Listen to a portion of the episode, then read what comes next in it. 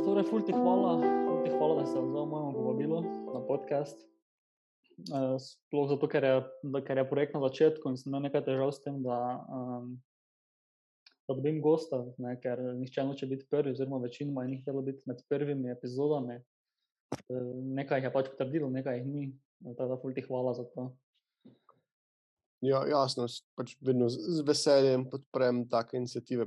To se mi zdi, da je pač dobro, da se razne oblike kritičnega mišljenja in analiziranja razvijajo v raznih formatih. Pač, zdaj treba sprejeti, da dan danes to vključuje tudi podcaste, da ni nujno samo več, vem, da se obsedeš in pišeš nekaj takega, ampak da je treba tudi te nove oblike sprejeti. Tako da se mi zdi, da se pač ful dobro, da se take stvari dogajajo, pa da je neka um, samo inicijativa. Ja, res je, ta, ta trg podcastov se, se kar pridno polne, sploh pri nas, oziroma po Evropi. Ampak še skozi se mi zdi, da, da, ni, da ni trg prenasičen s tem, eh, sploh pri nas. Se mi zdi, da še zadeva vedno dokaj na začetku. Ja, mislim, pa tudi, veš, kaj bi sploh tukaj pomenil prenasičen trg? veš, Recimo, če pogledamo usporednico s knjigami, knjig se tudi pač ogromno um, piše in producira, zdaj rečemo lahko temu, da je trg prenasičen ali ni. Ja, pač na, na nek način verjetno je neka hiperprodukcija, pa se res tako pač ogromno objavlja, ampak po drugi strani pa to ni nekaj, recimo, zelo pogosto stvar, da pa so ljudje tako, ja, zdaj pač iz preveč knjig vam prihaja. Tako da mislim, da tukaj je pa nekih takih um, vsebinah ali pa pri takih medijih je precej fleksibilnosti, kar se tega tiče, oziroma lahko trg ab- absorbira zelo veliko. Ja, pa poleg tudi na trgu to, da uh, tako pri knjigah, pa verjetno pri vseh drugih stvareh, da morajo pač filtrirati uh, informacije in pa tudi pač kaj poslušajo, kaj, kaj konzumirajo v bistvu. Ne. Um, to definitivno smitek, da je tako, tako pač neka um, spretnost, ki postaja um, če dalje bolj pomembna, tudi da se pač samo prebiješ skozi vse te gore informacije, ker je, je tako, tako smo vse čas a, izpostavljeni in nam, nam skoraj usiljujejo razne informacije, ali pa so pač vem, takšni ali drugačni mediji, ki hočejo našo pozornost, ker konec koncev, pač, če smo v nekem B2C svetu, je to ena od tako ključnih stvari, ki jo lahko tudi monetiziraš, je pač ravno pozornost, pa tega se pač vsi od, ne vem, začenši z, z Netflixom, pa vsi social, v, v social medije, pa tako naprej, se borijo ravno zato, da pač v končni fazi zajamejo tvojo pozornost. Tako da tukaj, da pač razvijamo neke obrambne mehanizme, pa tudi konec koncev zmožnost kuriranja, pa iskanja tega se mi tako, tako zdi um, nujnost. Dan danes je ena pač pomembna veščina, ki se pa hkrati v njej tudi, po mojem, da se ful ne govori dosti, da je še vedno tudi neko to prepričanje, da um, veš, ja, pač, vem, slediš tam nekim tem ustaljenim medijem ali tako naprej in je to,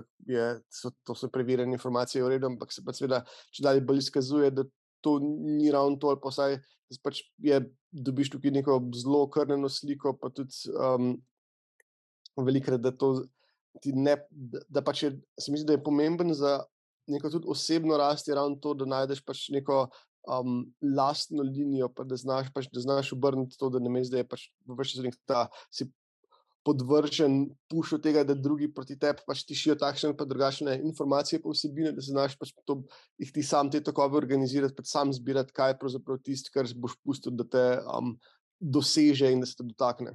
Ja, fulja umetnost eh, dan danes sfiltrira te informacije, ker ali si, ali če, ne, če se pač tega probaš distancirati, si neinformiran, če pa prebiraš neke first sight informacije, ki ti jih spet ponuja, pa je velika možnost, da si deinformiran oziroma dezinformiran, da ne dobiš pravih eh, informacij oziroma dobiš to, kar ti, eh, kar ti splet ponuja, kar pa ni mus, da je res. Eh, ta, ta, neki, ta neki skill, da znaš filtrirati informacije, pa jih v bistvu tudi poiskati, se mi zdi kar ključnega pomena dan danes v tej dobi, ko imamo toliko informacij na vsakem koraku v bistvu. Gotovo, mislim, a še malo je tudi neka ta past ali utvara, ali karkoli pač, da si in, informiran. In mislim, da za veliko ljudi je pač težko trdiš, da so informirani, tudi če konzumirajo zelo veliko tega, ampak bolj gre samo za to, a veš, da um, imaš prave, ne vem, ne vem, prave tukaj zdaj je mišljeno v rek- v narekovajih, da imaš istočnice ki se, ali pa te neke drobce idej, um, ki se jih.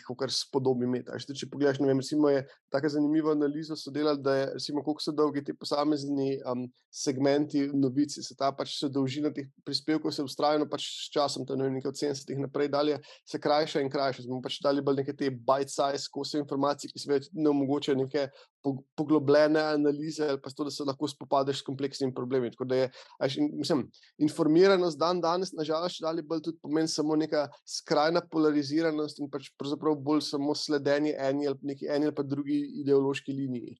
Um, in ni tukaj, je težko pač tudi nekdo, ki um, zelo vestno, lahko rečemo, skoraj obsedeno sledi recimo novicam, ampak je zdaj ali res informiran ali samo zelo globoko indoktriniran, pa ogorčen nad pač stvarmi, nad katerimi so mediji, ki jih pač spremlja ta oseba, ogorčeni.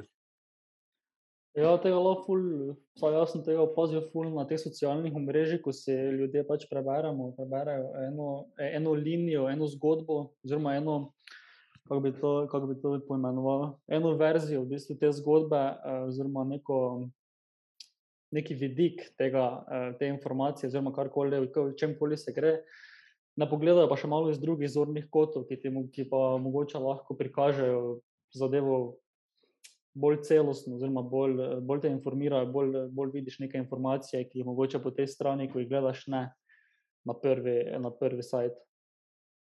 Ja, pa tudi, ajš, pa če živimo v čedalje bolj kompleksnem svetu in je, kar se dejansko pač de, dogaja, je to, da kompleksnost postaja taka, da je zelo težko razumeti. Jaz mislim, da je pač na svetu zelo malo v smislu, ne vem, morda par tisoč ljudi, ki dejansko razumejo nek dan kompleksen pojav. Vsi ostali pa pač operiramo z nekimi bolj ali manj poenostavljenimi modeli. In tukaj pa po drugi strani, pa kar se dogaja, pa da je nekaj če dalje večja, mislim, da bi imeli če dalje večjo neko to epistemološko ponižnost v pričo kompleksnosti, v kateri, s katero smo soočeni. Namesto tega, kar se dogaja, da smo če dalje bolj nekako arogantni, pa sami vase zavirvani, kako pač vse, ne, je, tam smo vrh znanja in pijemo iz celotne reke zgodovine in razumemo vse in vsi pred nami pač so bili neumni in niso imeli pojma, mi smo pa zdaj pač popolnoma osveščeni. Samo dejansko ni to, pač svet je postal dalje bolj kompleksen in je zelo je težko pač razviti vse te niti, ki se ponujajo. In tudi ni pač nekih resnih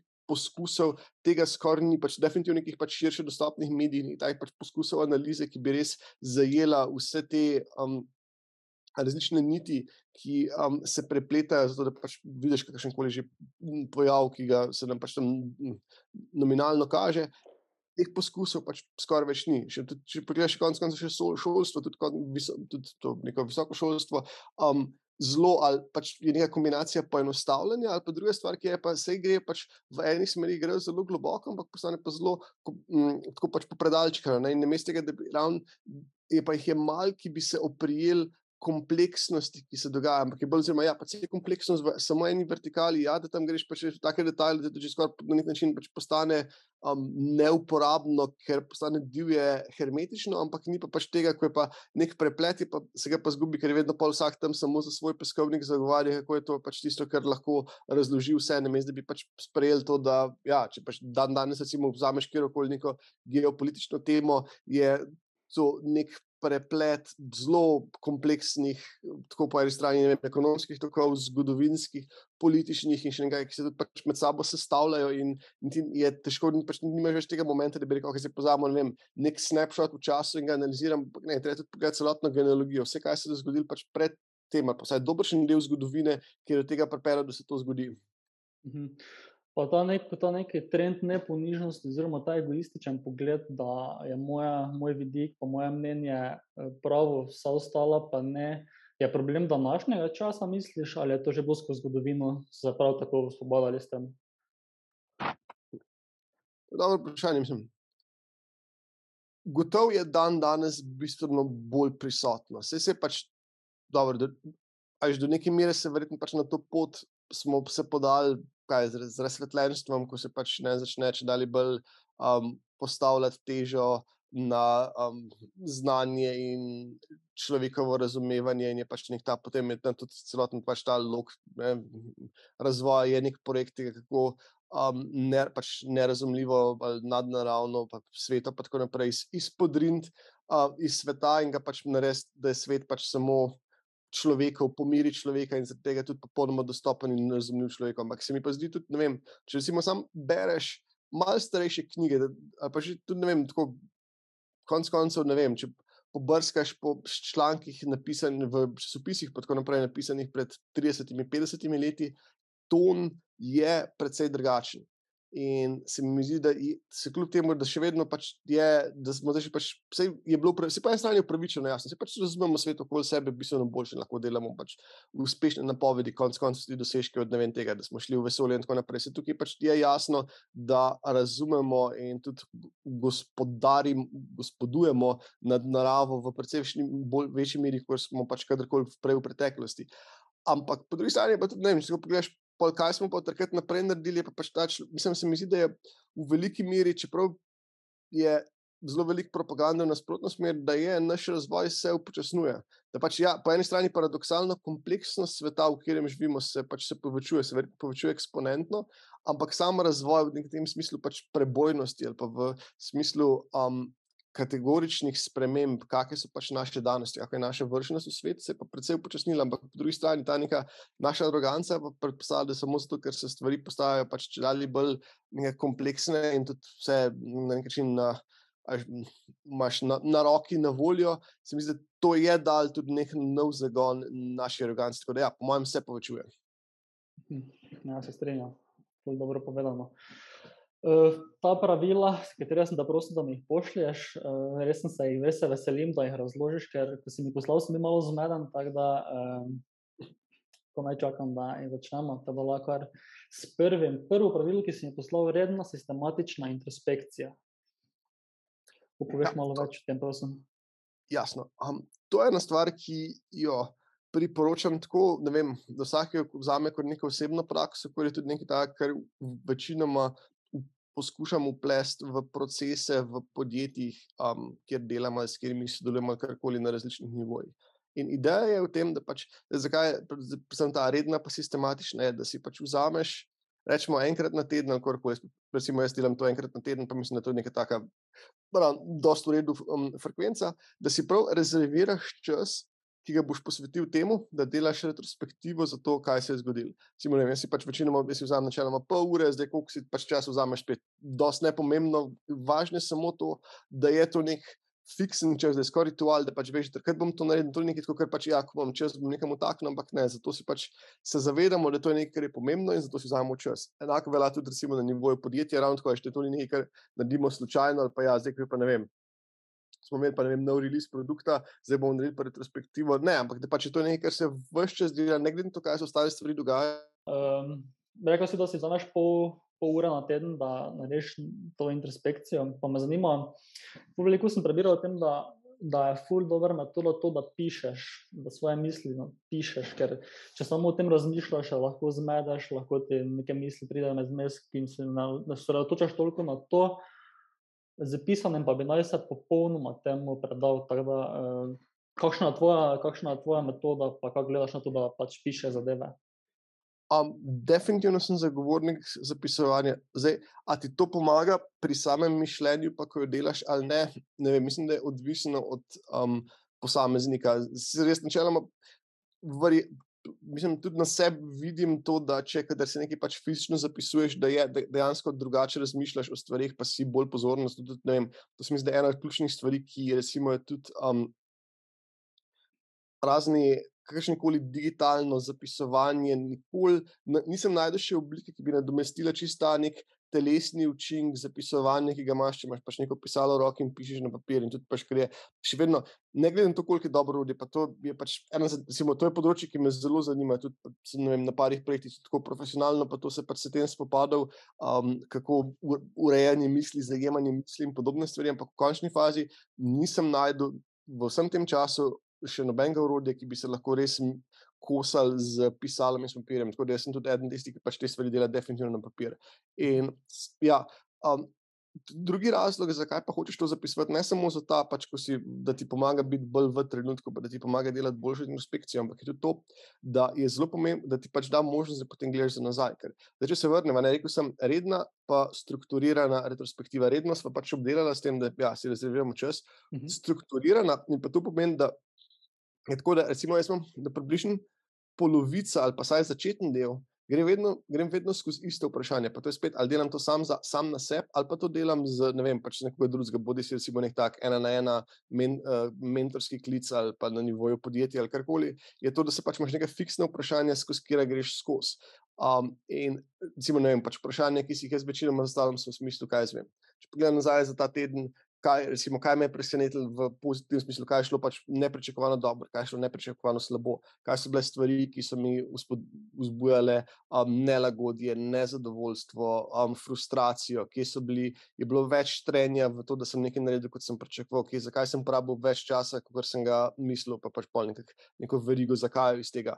Um, kaj šlo, kaj je bilo tisto, kar je šlo, ful boljšo, kot sem pričakoval. Um, in spet, zakaj se je to zgodilo. In zdaj, če imaš pač in ideja v tem, je, da si pač ta vprašanja si vedno zastavljaš, je par razlogov. En je to, da ne, rekli smo, da to delaš vsak teden. Zdaj, ko to delaš prvič, pa prvi parkrat, je pač hitro, da nekaj poveš zanimivega ali karkoli. Ampak potem, ko se pa to redno dela, pa počasi ti zmanjka vsaj nekih teh površinskih odgovorov, ki bi jih dal na prvo žogo. In, ampak, če si pač res prisiliš, pa veš, da okay, ja, skozi ta vprašanja se moram prebiti, ker se pa začne, da pač nekaj greš če dalje, pač globli, pa globli, pa se odpirajo zanimive teme, ki drugače pač je vedno so neke te površinske stvari, ko bi jih pač potisnil na eno stran, ampak tukaj se pa potem razvije nek prostor, kjer lahko se gre globli. Drugi razlog za to, zakaj hočeš imeti pač te neke ponavljajoče se vprašanja, je, ker pa lepo lahko gledaš, zato, ker smo rekli, da ja, hočeš imeti to zapisano, lahko potem gledaš loke, kako se razvija. In to lahko gledaš kot presep, recimo, ne, ne, kaj zim, se izkaže, gledaš, kaj zim, stvari, s katerimi sem bil um, sam na sebi nezadovoljen, pa ki so mi ustvarjali neko frustracijo. In potem gledaš, kaj so ponavljajoče teme iz tedna v teden, pa iz, pa iz meseca v mesec. In to so verjetno neke stvari, kjer je smiselno, da delam na sebi. Pač je vedno tako, ene zadeve bojo, ko so pač nimaš na njih zelo veliko vpliva, se pač tako na ključno zgodijo za neki zunanji dejavnikov, pa je pač brez veze se nekaj, ker nočeš pa tudi to, pač, ker je frekvenca toliko velika teh introspekciji, nočeš popadati v ta režim, da bi se, nad, ker imaš vedno ne, relativno mehko vzorec pol podatkov, da bi se pač prehiter odločil, pa bi potem skakal iz ene strani na drugo. To je isto fin, tako ker ne vem, kakšen koli data-driven odločenje, ko pač ja, moraš pa tudi pustiti nekaj časa zajemati podatke, pa imeti dosti podatkov, drugače se pač popolnoma brez glavo, skačeš v eno ali pa drugo smer. In zato, da ravno gledaš nazaj, ne. Kaj so te neke ponavljajoče se teme, ti da ravno to krasno možnost, da vidiš, kaj so vzorci, ki se skozi čas pač ali vzpostavljajo, ali pa ponavljajo, in to so tiste zadeve, na kateri se splača delati. In enaka stvar pač tako velja, če delaš to sam sebi, ali pa ko to delaš, ne vem, če vodiš. Um, Recimo z nekim svojim podrejenim ali karkoli, nek tak, tak razgovor. Je to ravno krasno, zato ker lahko dosti proaktivno identificiraš, kaj so recimo neki sticking pointi, ki jih je pol nesmiselno, da recimo, um, ta podrejeni na njih dela in se skozi to razvija. Ampak hkrati pa pač, ker je metoda taka, da, mm, da greš skozi retrospekcijo, pa tudi tako, da je ni treba zdaj, da bi jaz te preko, če recimo to mi dvadela, pa jaz sem pač facilitator ali karkoli, ne, ne rabi biti, da zdaj to od mene pride, da si rečem, ja, zdaj pa mislim, ne, tukaj si, kaj zdaj imaš, ti imaš pa kronične težave s tem, da slabo oceniš, koliko časa bo neki trajal, pa vedno si preveč optimističen, ampak je že ravno to, da te bo metoda, ker se bova vedno znova o teh stvarih pogovarjala, Ne, bo počasi pa še ja, tiste površinske stvari bo obdelala prvič, drugič, in potem tretjič, pa spet ista tema, bo šla pa vedno pač malo globli in je potem te samo pele v to, da greš pač v prave smeri. Hkrati, ker je pač je ta neko, se vedno se vzame za to čas, je se tudi ustvari nek, recimo, temu psihološko varen prostor. Ne, sploh recimo v, okay, če to delaš sam sebi, je irrelevantno, ampak v eh, recimo, nekem poslovnem kontekstu je pa pač ful problem, ker je, až tisti, če nimaš tega, če nimaš te redne prakse. Um, ampak je to samo tako, da recimo se s svojim nadrejenim pogovarjaš ne vem, za neke performance reviews ali pa če gre nekaj narobe, in že tako je že v točki, ko ti vstopiš na tak sestanek, veš, da je nek velik pritisk, pa da je pač v full odvisno kaj boš ti govoril te, na tvojo prihodnost. Ne, da si nekaj že naredil narobe v preteklosti, ali gre za pač vprašanje tega, kak je bil tvoj performance in kako se ta performance ocenjuje. In to seveda to potem takoj naredi, da tak um, sestanek ne more biti res full dobro, da bi ti šel pač nekaj globoko, pa bi se odprl, zdaj, ker ni v tvojem interesu. In tudi se ne počutiš varno to narediti. Medtem če pa imaš ta skoraj ritualno tega, da ponavljamo vedno znova isto stvar, je prav to, da se pač ustvari tukaj nek tak varen prostor, da lahko to naredimo. In to se izkaže, da je zelo um, powerful metoda, kako razvijati sebe in razvijati druge. In, recimo, kadar to delaš spet v kontekstu neke ekipe, se pravi, da si pač voditelj neke ekipe, ker ti tudi omogoča to, da, ti, da lahko ne, ne samo da gledaš, pač, okay, kaj so neke ponavljajoče se teme pri enem človeku skozi daljše obdobje, ampak lahko greš početi. Recimo, če se trije ljudje v ekipi srečujejo v tem trenutku z istim problemom, je to verjetno nekaj, kar hočeš pač ti aktivno nasloviti, če predtem nekdo reče. Ne? In to je ravno ta moment tega potem samo izboljševanja, ko lahko pač se predvsem boljš ne, tudi na nivoju ekipe samo izboljšuje, ker potem ti kot vodja proaktivno lahko posežeš na tisti točki, kjer vidiš, da je nekaj, recimo, ponavljajoče se trenje ali ponavljajoče se frustracije, in tako, kar pač preprečuje, da bi ljudje delali toliko dobro, kot bi optimalno lahko. In hkrati to pač nekaj ten, potem tebe naredi za ful dobro vodijo, ker si pač proaktivna. In to je tisto, kar je v bistvu. Ne, čar nekoga, ki je res dober vodja, ki ni ne vem, samo pač nek menedžer ali karkoli, ki pač ti ukazuje, ampak dejansko vodja je to, da ti da pač izkažeš proaktivno skrb za svoje ljudi. Ampak da lahko to zares narediš, pač moraš imeti podatke, moraš razumeti, kaj je tisto, kar rabi narediti. Ta, in ta metoda je sploh, recimo, da je nek ta leadership skozi te introspekcijske stanke in tako naprej. Sploh nekaj priporočam tistim, ki še le bolj začenjajo um, v neki leadership funkciji, pa mogoče tudi niso toliko people ljudi. Recimo, jaz dosti delam um, z raznimi ljudmi, ki jim je fundamentalno background, ne vem, nek tehnični background, ali so to developerji ali neki data scientisti ali nekaj takega in se znajdejo v situaciji, ko zdaj pa morajo voditi najprej neko manjšo ekipo vem, to morda tudi ni nekaj, kar bi jim bilo um, ful. Uh, Mikavno ali karkoli pač bolj vzamemo, zato ker morajo, pa ker je pač to neka uh, disfunkcionalnost njihove organizacije, da je edini pač karjerna pot naprej, da gre vsak kvazi v management in potem še vedno bi pač nekako potem nekdo tak, ki nima nekega globokega interesa v tem, da bi vodil, pa pač je prisiljen to, kako lahko še vedno iz njega narediš, ali pa ko sam sebe naredi za dobrega voditelja. In mislim, da ta metodologija se je meni izkazala za zelo, zelo uporabno v takih kontekstih. Ja, ravno ta introspekcija, pa da ti to, da ti to pišeš, da ti analiziraš svoje obnašanje, pa zakaj si, zakaj nekaj delaš, zakaj nekaj govoriš, zakaj imaš nekaj vzorce, ti ravno te vzorce prikaže, ki jih mogoče drugače, ki jih drugače vidiš, oziroma jih drugače zaznaš, in da imaš to napisano. Ljudje pa imamo sploh to v naravi, da, da radi vidimo skozi čas neko razvijanje. In mislim, da to pisanje je ravno to mogoče, ker greš brati za nazaj. Eh, po moje vidiš, da um, nekaj vzorcev, ki si jih ustvaril, pa ki si jih opustil, ne, je to neka samoterapija, ki jo upravljaš s pisanjem. Ja, gotovo. In, pač, mislim, tako vsebi je drugače, veliko dostri, ki razmišljate, ne, ker, pa, ker imaš še kombinacijo tega, da okay, eno je tako, tako kaj je že moja samo podoba, potem vedno so neke te razmišljanja so lahko preveč zamazane s tem, kar se jim je zgodilo tako v zadnjih parih urah ali v zadnjem dnevu in je dosti težko. Ne, se konc konca, če pogledaš razne te. Uh, samo inicijative, da se, da se izboljšaš, kot vem, začneš z raznimi novoletnimi zaobljubami ali karkoli drugega. Je, je pač žrtev ravno tega, da se ja, pač, okay, zdaj bom pa nekaj na sebi spremenil, ampak potem je pa to, da pa pri eni stvari pač ostaneš dož časa, že to samo po sebi je problem. Pa tudi, da to, kar sem naredil spremembo, res deluje ali ne, je potem tudi veliko, dosti uh, težko soliti. In imaš pa tudi ljudi, ki ne tam, ko čebela iz sveta na svet, da ne vem, skačejo iz enega, ne vem, mal diete ali karkoli, ali enega exercise režima v drugega, vsak pač tam za par mesecev so vedno pripričani, da je pa zdaj najboljša stvar, ki bo rešila vse njihove probleme. Potem pa pač pride nekaj drugega noter. In to je, je, pač je žalostno, ker to so ljudje, ki imajo motiv, samo motivacijo, pa imajo ta nek execution drive, da to lahko udejanjajo, ampak po drugi strani pa pač, ker se. Ne, samo okolje, um, nimajo pa neke te sistematizacije, da bi, tudi, da bi si znali res odgovoriti na vprašanje, kaj je tisto, kar mi pomaga, pa ne, pa kje so spremembe, pa kje niso. In potem pač samo vzameš več neke te spet paketne, celostne zgodbe, kako ti bo celotno življenje se preobrnilo in greš naprej. To je kot konec se naprej, to, kar smo se prej pogovarjali, ne, da je pač imamo. Preobilje informacij, pa preobilje nekih vnaprej zapakiranih idej, pa rešitev, pa bistveno premalo neke pač poglobljene analize, ki bi se dejansko dotikala vzrokov um, in odgovarjala na zakaj. In potem je pač res, prevzameš nekaj pač v celoti, ker skoraj gotovo ne bo popolnoma ne se skladal z tvojimi danostmi in svojimi potrebami, in pa ena stvar deluje, ena stvar ne deluje, in za te stvari, ki ne delujejo, pa počasi pač obupaš in greš na naslednjo stvar, in vsakič si bolj, tudi vsaj na nekem nivoju, gotovo pač bolj nezadovoljen, ker si že toliko stvari poskusil, pa bolj zmeden ali karkoli, in se potem ne. Je, lahko se dosti hitro te stvari tudi pač preve, prevesijo v to, da v neko um, globoko nezadovoljstvo, pa skoraj pač obupano, vsaj na podzavestni ravni, ker je tako, pa se začneš sprašovati, ali je malo nekaj narobe, da to pa druga stvar sem poskusil, pa pač ali pa nekaj cinično, karkoli, ampak je samo iz tega pač izvira, da ja, ne poslušaš sam sebe, dost in je jasno, pač ne, se ne znaš, ne znaš lepo ločiti, kaj so ti stvari, ki dejansko za te in na tebi delujejo, in kaj ne, ampak samo pač se jemlje celote. Ja, to, to me je zanimivo, ko si omenil, da se pač skače z sveta na svet, pa se probava s to različnih nekih režimov, kot fitness, režimov, šport, knjige, informacije, kakorkoli.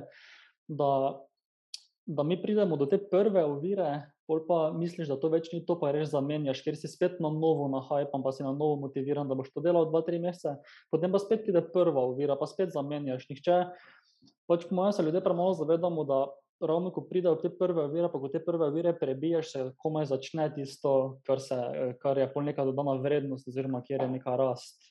Pa kjerkoli, lahko je to šport, lahko je to iskanje informacij, lahko je to pač kjerkoli, ampak se moramo zavedati, po mojem, bolj, da te um, da pač moramo prebiti to prvo blokado, da pridemo do res nekih vrednost, vrednih stvari, oziroma napredka, kakorkoli. Ja, gotovo. Pač, in ajš tudi vse. Današnji svet to dela še toliko težje, zato ker je pač na nek način čist naša podzavest, celo telesno smo ustrajno nas dresirajo v to, da imaš pač te neke zelo hitre ne, pač nagrade v smislu um, lajkov in tako naprej. Zdaj, pač social media je narejen na tem, da uh, v bistvu izkorišča neke naše interne mehanizme nagrajevanja in se to pač se podredi v nek tak um, brutalno, kratkotrajen režim. Ki tudi je pač, ne, samo tisti trenutno, zelo kratkim, tudi tem, ne, razdalje v času med, tem, med akcijo, ki jo naredim, in nagrado, ki jo dobim. In pač, in seveda, kot, in ko si vse čas, te pač te s tem bombardirajo, ker se pač izkazali, da ja, to je dober način, da gradiš odvisnost, da, da zajameš pozornost nekoga, ker smo prej identificirali, da je ena pač od ključnih stvari, ki jo lahko sploh v um, business to consumer ali pač, če naslavljaš končne stranke, uh, ki jo lahko monetiziraš. In pa seveda je to izkorišča, kar se lahko, ampak s tem se dela velika škoda, ker ja, se, jaz globoko verjamem, da to spremenja ustroj naših teles, pa vsaj našega mišljenja. In potem zato je treba pač toliko bolj aktivno se proti tem stvarem boriti, ker ja, si pač si vse čas je, da nek način se dogaja neka ofenziva ali propaganda, ali kako hočeš temu reči, na te in na tvoje doživljanje sveta, ki te pač hoče v. Ukalupiti v en način delovanja, zato ker ta način delovanja je tak, ki je pač lahko ki se ga da dobro monetizirati, ampak definitivno pa to ni način delovanja, ki bi bil tebi v pomoč. Ja, vsekakor. Ja. Eh, v tem prvem vprašanju si večkrat omenil, da sila pomembno vprašanje, ki si ga moraš postaviti, zakaj. Zakaj delaš nekaj stvari, zakaj, se, zakaj, zakaj reagiraš tako, kot reagiraš. In pravno to je drugo, drugo pravilo, ki si ga izpostavil. Zakaj misliš, da je to tako zelo pomembno? Ja, se to, pač, kot sem že iz druge stvari, smeri, ne smo se tega dotaknili, da, da, da premalo stvari analiziramo. Živimo v zelo kompleksnem svetu in hkrati potem premalo stvari analiziramo. In ti pač, kar ti hočeš, da lahko delaš res dobre odločitve. In tudi, da, pa tudi recimo, da samo razumeš, da greš iz tega, da samo se odzivaš na to, kar se dogaja okoli tebe, pa da lahko pač postaneš nek svoboden akter, če hočeš, ne? da nisi samo pač popolnoma reaktiven. Reaktivno, ampak da si ti tisti, ki se pač odloča, kaj se bo zgodilo, namesto da samo se odzivaš. Rabiš razumeti stvari, rabiš videti vzorce v tem, kaj se kot tebe dogaja, rabiš sposobnost, da lahko napoveduješ, kaj se bo zgodilo. Ampak se to lahko narediš, sploh v luči kompleksnosti sveta, ki nas obdaja, in pa moraš razumeti. In da, da razumeš, pa veliko je treba iti pač par korakov nazaj, ker je ravno pač zaradi kompleksnosti, ne, kar se dogaja, to, da um, je, se lahko nam isti vzroki pojavljajo skozi zelo različne simptome. In če nikoli se ne prebiješ nazaj od simptomov, do teh, pač, kaj so dejansko uh, izhodiščni razlogi, je za enkrat svet je še, zgleda, še bistveno bolj kompleksen, kot je, ker je pač veliko, da je hrana ta. Potem, če misliš, da je vsak simptom nekako samo po sebi in se potem ustaviš in ne, ne greš iskat, kaj so povne stvari, ki so ključne, ne moreš delovati tam, kjer bi lahko s tem, da na eno točko deluješ, da bi se potem veliko drugih stvari spremenili, ampak si vedno samo pač tam čist na najbolj na zunanjem robu deluješ. In je pač to je en razlog, zakaj je pomemben. Drugi razlog, zakaj je pomemben, da stvari res pač razumeš in ne greš nazaj, zato ker je lažje potem stvari komunicirati. Uh, ne, ker je spet, okay, da pač delaš samo vem, introspekcijo sam nad sabo, recimo, zdaj, ne rabiš tega komunicirati, ampak v vseh drugih ostalih kontekstih pa načeloma rabiš tako svoje ugotovitve, kot svoje odločitve komunicirati. In zato je zelo dobro, da jih pač razumeš in znaš. Tudi, tudi če si vem, vodja, pa lahko ti pač v končni fazi diktiraš kaj, ampak še vedno dober vodja ne bo ukazoval v toliki meri, kolikor bo toliko dobro komuniciral, da bodo ljudje sami naredili tisto, kar je treba narediti, ker bo pač bo šlo iz razumevanja. Pač v bistvu to, kar je, recimo, kar je za me velik del dobrega leadershipa, je samo to, da ti uspe vzpostaviti.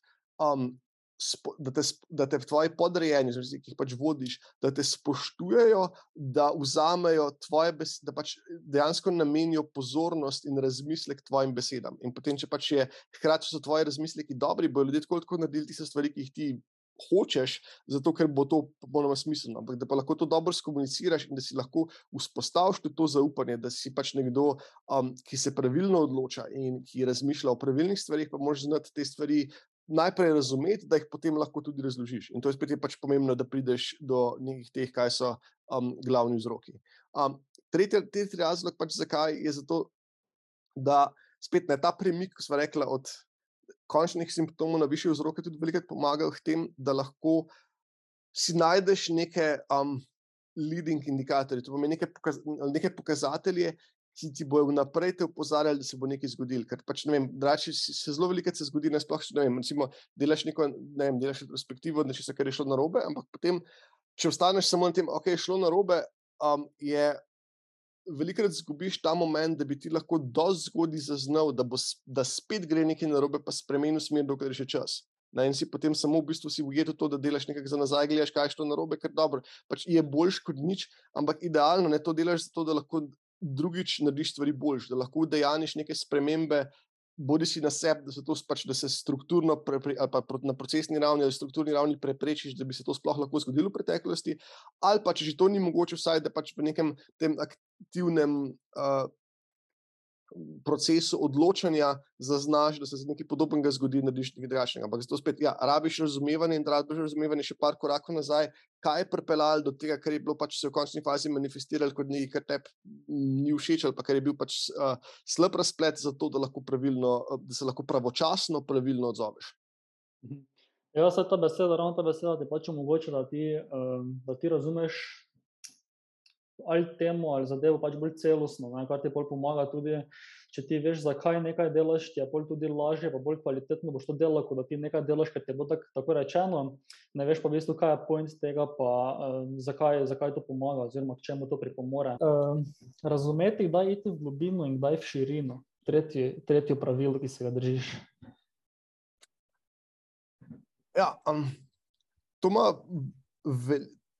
več različnih obrazov. En je, recimo, že čisto, če smo v poslovnem kontekstu, ne razumeti, kdaj je, je treba se samo tako rekoč obsesivno fokusirati na eno stvar, pa samo iti na to, pa da so trenutki, ko pravzaprav ne vemo, kaj je naslednji korak, pa moramo malo raziskovati, ali pa ne vem, ko še iščemo, bodi si, vem, če produkt market fit ali karkoli že pač počnemo in potem kako preka, prehajati med tema dvema bojnima močima. Ker en zelo pogosta napaka, recimo, ki jo startupi delajo, je to, da ravno tega ne razumejo in da, ved, da, še, da so v točki, ko bi se mogli pravzaprav brutalno, brutalno fokusirati samo na eno stvar, še vedno je čisto preveč stvari, ki jim rečejo, ja, malo zato, ker ne vem, zasledujejo nekaj, da si v tem kratkoročne prihodke, ali pa ki mislijo, ja, je to pa uno, pa tretji, pa ne vem, tam pride novinar, pa bi nekaj rekel, pa to je dobro. Ja, pa je dobra priložnost, ampak ne, ne, ne razmišlja pa skozi to. Ali je to dejansko tisto, kar bo kakorkoli doprinese k temu, da je tista stvar, ki je za nas ključna, da se bo premaknila naprej. In zelo pogosto tudi za neke pač popolnoma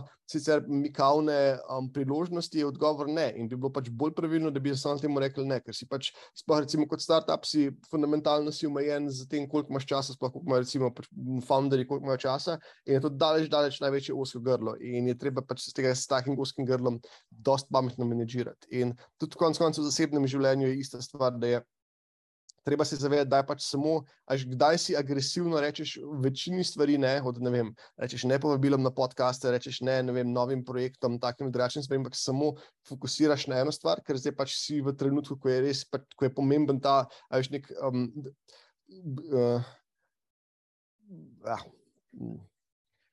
ko je, pomemb, ko je pomemben da se samo fokusiraš na eno stvar, pa samo pač execution za nek, da vem, naslednje tri mesece, kako koli čas, to, da se pač zgodi, nek, nek, da priješ do, do prevoja. Pa kdaj je tako, da, da, ja, da pravzaprav si, v, do, si dosegel neko, ne vem, zasičenje, si dosegel nek plato in zdaj pač gre za to, da raziskuješ celoten pač prostor, da najdeš, kje pa je naslednja pot za rast. Um, in da pravilno pač identificiraš, identificiraš eno ali pa drugo, je pomembno. Tudi velja seveda v obe smeri. Tudi so, pač včasih je tako, da je, se moraš zavedati, da ko se pač kljub vsemu fokusu in kljub temu, da daj, daš vse v eno stvar, da se stvari ne odvijajo več naprej, da je pač se več časa napredek, se upočasnjuje, rast se upočasnjuje, upočasnjuje, je se je dobro začeti sprašovati, ali smo dosegli neko točko zasičenja, in če se pač razgledamo malo širše, kaj je, in da, da se reorientiramo in gremo po neki morda pač kanček spremenimo pot, ker očitno tukaj se pač to dogaja, da kljub temu, da vlagamo več in več truda, ali pa saj isto količino truda, je m, mm, učinek, ki, tega, ki ga dobimo zaradi tega, pa je postače dalje manjši. Um, drug aspekt, recimo, kako lahko ist, na isti princip gledaš, je tudi um, vprašanje specializacije. A, to je nekaj, kar je sploh za ljudi, ki so na začetku karijere ali pa ki menjujejo kariero, je tako pač zelo relevantno vprašanje. In kar se meni zdi, je to, da pravzaprav recimo, tukaj hočeš pa neko mešanico obojnega. A, jaz ne, pač ne verjamem v to, da, mislim, Nekaj, da si samo globok strokovnjak na enem področju. Čeprav je celoten pač izobraževalni sistem, pa tudi dobršen del, če naprej gledaš, kako se, recimo, se razvija kader ali kaj so neke te ustaljene karijere, se zelo sili pač v to, da samo pač postaneš strokovnjak na nekem osko določenem področju. Ampak kar se mene tiče, tak pristop je dokaj omejujoč in zelo malo ljudi lahko s tem doseže svoj polni potencial oziroma pač vse, kar bi lahko um, dosegli, ker enostavno je vedno, ko si pač, ko si specializiran, imaš ta problem, da je po eni strani ni nekaj zelo pač, uh, globine trga, um, kar pomeni, da je težko, da pač je ne, bolj specializiran, bolj je, manjše bojo razlike in je težko ti, da si ne vem, desetkrat, stokrat pač uspešnejši od poprečja, kar bi recimo drugače pomenili res uh, nek ta prav uspeh. Poleg tega je pa tudi to, da pač bolj, ko se ne trg, ko se pač trg kompresira, je bolje to, da si soočen tudi s um, ostalimi tistimi parimi, ki so na tem istem trgu, ki pa pač ene par od teh pa zelo verjetno bo boljših od tebe. Ne, to meni, da je si večkrat si soočen z ljudmi, ki so boljši od tebe, hkrati pa tudi to, da je razlik pa tudi ni toliko velik in si pa pač se ujameš v neko tako uh, srednjo mero. To je recimo vem, pri uh, raznih konzultantih, to zelo pogosto vidiš, da to je pač nek tak, kaj zem, recimo pri slovenskih cenah, to pomeni, da so ljudje, ki se ujamejo v to, da pač računajo za tam nekaj, ne vem, Uh, med 70 in med 100 evri na svojo uro, na čez onkraj tega, in se jim pa ne uspe prebiti. Ker tako se pač, seveda se razume, to je pač seveda jasno, je čisto lep zaslužek, pa tako naprej, ampak je pa tisto, da postaneš pa res, recimo, nekako vrhunski na nekem področju, pa potem to ostane omejujoče, da si preveč omejen, če si vem, samo strokovnjak, rečemo za Google Analytics ali nekaj takega. Ja, pač enostavno za neke te specifične veščine tudi ne moreš, tudi, pač ti trg ni pripravljen to plačati, malo tudi zato, ker kot rečeno, ne, je večino, je, ker si potem si, bolj ko si specializiran samo v eno stvar, si tudi primerljiv z drugimi, ki so specializirani v to isto stvar. In te, potem te to dol vleče, ker je potem je se do, tudi, tudi recimo iz vidika tega, kako postavljaš cene, se je težko prebiti ven, ker je pač ja, pričakovanje na trgu, ki imaš še pač vsi ostali, recimo primerljivi strokovnjaki računajo, ne vem, na uro 45, zakaj za vraga pa bi ti računal 250. Je, ne, ker pač je, dokler si, pač, si toliko si, omej, si potem omejen, da ne moreš za res dodane vrednosti, unkrat, ker vsi ostali prinesejo, prinesti in se potem se pač s tem se nekaj noter zabarikadiraš. Um, tako da, po drugi strani, zdaj, da bi bil samo pač tako, ne, čist samo razmazan in v noč specializiran, tudi ni optimalno, zato ker, ja, kot rečeno, svet je kompleksen in do neke mere. Nekaj globine rabiš. To je pač enostavno neizogibno, dan danes, sploh pač, če govorimo o nekih um, knowledge workerjih ali karkoli, pač ja, rabiš nekaj globine, ker drugače ne, ne prideš nikamor, oziroma ne moreš ustvarjati za res um, dodane vrednosti, če ne greš do neke mere v globino. In potem, kar je pač tretji način, je to, kar se meni zdi najbolj smiselno, je to, da si pravzaprav. Um, Vem, jaz uporabljam, tukaj uporabljam izraz, da imaš nek uh, skill stack. To pomeni, da imaš par različnih veščin, ki so pač, ki greš relativno globoko, ki so med sabo komplementarne. In zdaj pač ta komplementarni ne pomeni, da jih moraš tako zbirati, da so komplementarne, ampak stek se izkaže, da se tako rekoč karkoli, čim si v parih različnih stvarih strokovnjak, bojo neki prepleti med njimi, um, bojo neki presluhi med njimi, ki, ob, ki te bojo naredili na obeh področjih boljšega in drugačnega kot nekdo, ki je samo pač monotono specializiran v eno stvar. Smer. Tako je tukaj spet pač ta ne, širina in globina je to, ja, pač je pojdi do neke mere v širino, da najdeš pač par različnih poti, kjer, pa, kjer pa boš pa zasadil svoje zastavce in šel v globino. In to je tisto, kar te potem ti omogoča, da imaš nek um, edinstven, pa se relativno edinstven pristop k reševanju problemov, ti pomagati pri pozicioniranju na trgu. Tako pač kot, mislim pa tukaj lahko tudi, ker je to po svoje neokusno, tudi pač osebno gledaš tudi izven nekega trga, del, del ali karkoli, pa profesionalnega trga, ampak še vedno ne. Smo nekako, je vsak v družbi je nekako pozicioniran in ravno to, da pač ne, če si imaš zanimivo kombinacijo, kaj vse počneš, ti to tako je lahko ti da na pladnju prenese neko dosti dobro in dosti edinstveno pozicioniranje, ki ga potem lahko izkoristiš za pač takšne ali drugačne namene. Ja, ko kombiniraš nekaj več nekih področji, dobiš neko, um, neko kombinacijo obeh ali večjih področji, ki ti naredi unikatnega potem na trgu. Ne? S tem se pustrinjam, pa to misli biti moje naslednje vprašanje. Kaj misliš, da na začetku karijere bolje iti najprej v širino ali najprej v globino, pa na to širino razvijati? Um, ker prav, prav v tem tudi samo ujamem, ker uh, jaz sem na začetku moje karijere, oziroma sem čist menil uh, kariero, Pa sem s tem full battle svoj čas, ker um, se ne upam na začetku svoje kariere usmeriti čisto v neko stvar, ker, ne, ker ne vem, če je to to, da, to, da sem se v to, eh, v to smer osredotočil zdaj na novo, oziroma sem zamenjal področje. Pa zdaj, da daš ali in v to področje, um, ali je boljše pač neko širino razviti eh, tega področja, pa iti potem v globino. To je dobro vprašanje. Jaz bi rekel tako jaz bi zbiral um, področje ali pa področje ali karkoli, kjer je relativno lahko iti iz, recimo, temu nič do ena. Ker, če tako pogledaš, ne, recimo, imaš tako, da se je. Veliko je to, da greš iz, vem, iz nič do ena, iz ne vem, nekaj do deset, pa od, nekaj od deset do, recimo, do sto, pa od deset do tisoč, so, tako, so kategorično predvsej različni problemi.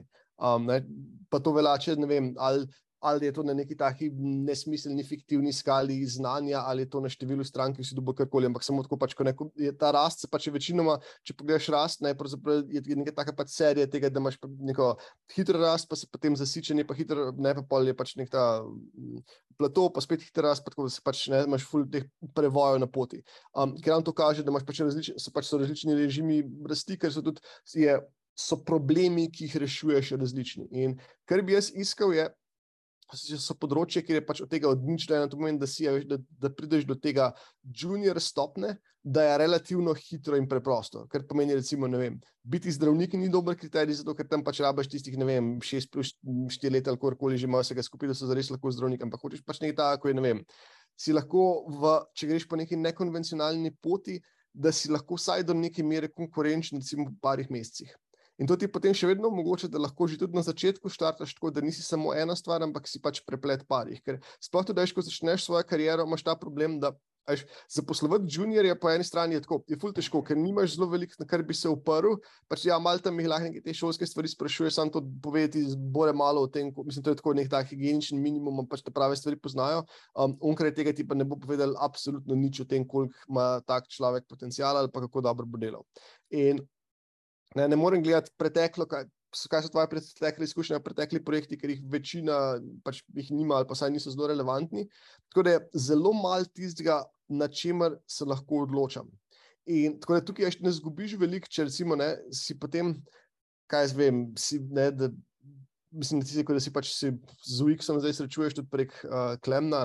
Ali si recimo, ok, si UX, ampak potem UX, ne, poleg tega, da si pa UX, pa zraven premakneš ne vem, uh, copywriting ali pa um, vsaj neke osnove programiranja ali pa ne vem, uh, si pač UX plus neke osnove product managementa, pa project management, pač, da se daš neki iz drugih smeri, ampak da imaš par stvari zraven, ker to bo takoj naredil bolj zanimivega um, tudi kot sogovornika, poleg tega lahko pač že malo prepletaš insajte iz enega pa iz drugega področja, in kar s tem narediš, je, da pravzaprav um, preskočiš par korakov in izpaš, ne boš imel.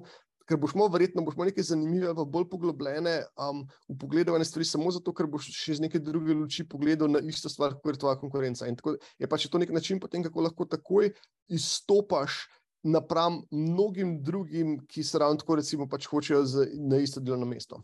Mhm, torej, Kole, na začetku iskal pač nekaj, zdaj, tako da ja, je pač tudi, tudi tukaj odgovor, ja, ne iti samo v širino, zdaj samo zelo iti v globino, se mi zdi pač nesmiselno, sploh ko si ti rekel, da niti ne veš, pač, a je to tisto pravo, pa to se strinjam, pač večina ljudi nekako ne ve, mislim tudi tako, zvem. Jaz odkrito povedano nisem imel zares pojma, kaj bi hotel tako na nek dolgi rok delati v življenju tam do poznih 20-ih, tudi definitivno nisem absolutno nič vlagal v to, da bi nekako si res razvijal kariero. Pač imel srečo, da sem veliko ta pravih stvari naredil, ko so, pač so me prpelali že kar delač, ampak ni bilo pa tukaj nobenega zavestnega razmisleka, pa definitivno nobene sigurnosti, da to je pa tisto, kar pač hočem na dolgi rok, ampak takrat mi je bilo zanimivo. In mislim, da je veliko ljudi, če so sami sabo si iskreni, so v točno isto. Ne, pač, ja, ne veš. In zato so neke stvari, ki so morda se ti zanimive, ali pa, pa če jih ne vem, po inerciji, ali karkoli počneš, in pač seveda je bolje, da čim manj jih počneš po inerciji, ampak bolj po nekem zanimanju. Tako da je, se mi zdi, da je pač čisto smiselno, da na začetku, ker nimaš nekega res globoke stopne prepričanja, tudi optimiziraš za to, da je lahko. Pivotirati, oziroma da, ti, da je lahko, da presedlaš nekaj drugega. To pomeni, da bi pač zbiral, jaz bi recimo zbiral stvari, če hočeš čisto pač. Um, strogo, nekako reverse inženirati vse skupaj, pa pač um, optimizirati za. Um, Ne, da, je, da ti je vse, po kateri poti greš, da ti je vse, kaj konkretno delaš, da te samo zanima, pač, kaj te bo najdel, pripravljal, pa postavil najboljšo pozicijo na začetku. Bi ja, jaz bi optimiziral stvari, ker je začetek, začetni vložek relativno nizek, pač zato, da lahko se prvič lotiš problema iz večjih smeri, da imaš pač ta nekaj, ki gradiš skill stack, poleg tega, zato, da, je, da če, rab, če rabiš zamenjati ali preskočiti nekam drugam, nisi preveč časa za pravo, um, pa lahko um, preskočiš nekam drugam. Tako da je to, so po mojem, da je tukaj je dost ključno. Um, tudi idealno stvari, ki recimo se na nek način da hitro iterirati v tem smislu, da pač vidiš neko povratno informacijo iz trga, pa tudi da se učiš dosti hitro, da moraš pač zelo dolgo sedeti, da se sploh nekoli um, spremembe dogajajo.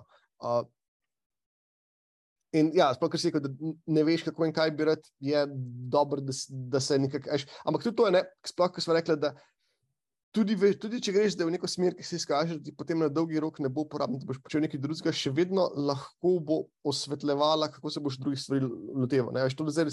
Se mi zdi, da je skor, ne glede na to, kaj boš v življenju počel, je to, da si imaš neko dosti globoko izkušnjo z UX-om, se mi zdi pač dobro, ker ti bo dal nek nastavek, skoraj v čemarkoli v poslu, ti je lahko to uporabno, da znaš razmišljati skozi perspektivo uporabnika, da razumeš, kako so vem, pač uporabniški intervjuji in podobne stvari, ko se jih počne tako na metodološki ravni, kot kaj ti to da iz vidika odločanja in iz vidika pač tega, da se prek tega učiš in gradiš razumevanje. In če lahko pač končaš nekaj čist druge, pa ti bo to še vedno uporabno. In to je ravno pač ne srčika te ideje, tega, da gradiš um, skill steke. Ja, vse to zdi se, mi, zdi se mi pomembno, da veš, v, kateri, v, katerem, katerem področju bi rad bil. Ker dobro, jaz z strani marketing, business marketing, poznam pač UX, UI, v katerem sem pa zadnje čase največ deloval, pa tudi učil. Ampak nikoli, nikoli ne veš, kam te odpelje, pač ko prideš nekaj v tako okolje, kjer je združenih znotraj marketinga pa biznisa več nekih različnih oddelkov oziroma področji. Takrat, ko ti po mojem lahko vidiš, ko se bolj usmeriš v nekaj, mogoče ta UX to, to, še vidiš pač druga področja, pa se kasneje lahko odločiš, pač ful težko vnaprej veš točno, v, katerem, v kateri smeri bi rad bil, ker pač nisi bil v tem okolju, pa tudi ne poznaš toliko delovanja. Uh? Ja, se, tukaj to pretoče na drugo, dosti pomembno temo, ne, pač sploh, kako sprejemati odločitve, oziroma s koliko informacijami sprejemati odločitve. Um, in tukaj, recimo, ima uh, Jeff Bezos v enem od teh svojih, pač, ko piše, da se letna um, pisma s m, svojim shareholderjem, lepo pač razlaga ta njegov pač princip odločanja. On se vedno pač se trudil sprejemati odločitve, ko ima približno 70% relevantnih informacij. Da zakaj? Zato pač, ker je, se nočeš biti preveč paraliziran s tem, da vaš, pač vedno hočeš biti seveda delati informirane odločitve, ampak nočeš pa biti paraliziran s tem, da predolg časa si pač samo ujet, da pač nabiraš informacije in predolg časa odlašaš s tem, da sprejemaš odločitve. Ker tukaj pa tudi velik pač je, nekaj tukaj sta dve stvari. Prvič je to, da ene priložnosti zamudiš, drugo je pa to, da Sploh, recimo, ko imaš pač malo večjo organizacijo, je postane že tako, tako neka ta um, okostenelost, pa inercija postane velik problem. In pač ti hočeš se, že na eni naravna tendenca neke velike organizacije, bo, da se pač odloča počasi, oziroma da se ne, da ne spremenja smeri, ampak samo nadaljuje v eni smeri. Tako, pač, da, čas, da je popravljanje smeri ali pa spremenjanje smeri nek tak zelo um, aktivna in um, tež, težaven problem in zato pač seveda hočeš to delati čim hitreje, da ravno ti zdi, ja, zdaj pa samo še to, pa še unove, potem iz enega kvartala se to prenese v drugega in tako naprej. Um, druga stvar je pa to, da pač pri sprejemanju odločitev je se pomembno vprašati, ali je ta odločitev, ali pač so posledice, ko sprejemam to odločitev, ali so reverzibilne ali niso. To pomeni pač, In zdaj stvari, ki so v bistvu posledice, dost, uh, se jih da pač popraviti, pa se niso nekako tako, da bi bile um, odločujoče, je popolnoma nepotrebno se preveč pač časa s tem ukvarjati, ampak samo narediš, ker tako veš, da če ono, pač, ko imaš nekaj približni prepričanje, da to pa je ta prava smer, reči pač ja in pojdi v to smer, če, sploh, če si pač v fazi ne, nekaj tega, kot smo rekli, um, exploration, da greš v širino. Um, zdaj, ker je zelo verjetno, da je na dolgi rok, ne, če pogledaš te ve, več stane to, da se potem še del časa na neki odločitvi sediš in pač nabiraš dodatne informacije, da jih sprejmeš, čeprav jih tudi ne par jih narediš na robu. In to je pač spet ta ideja. Ne? Ja, nekih 70-80% no, prepričanje, ko imam, ko imam pač večino informacij, ampak ne vseh, naredim odločitev, včasno bo ja, pač zaradi tega bo odločitev napačna. Ampak sploh pri odločitvah, ki so reverzibilne, mi je to tako popolnoma vse, ker bom pač samo popravil in bom šel v neko drugo smer. Ja, samo na koncu.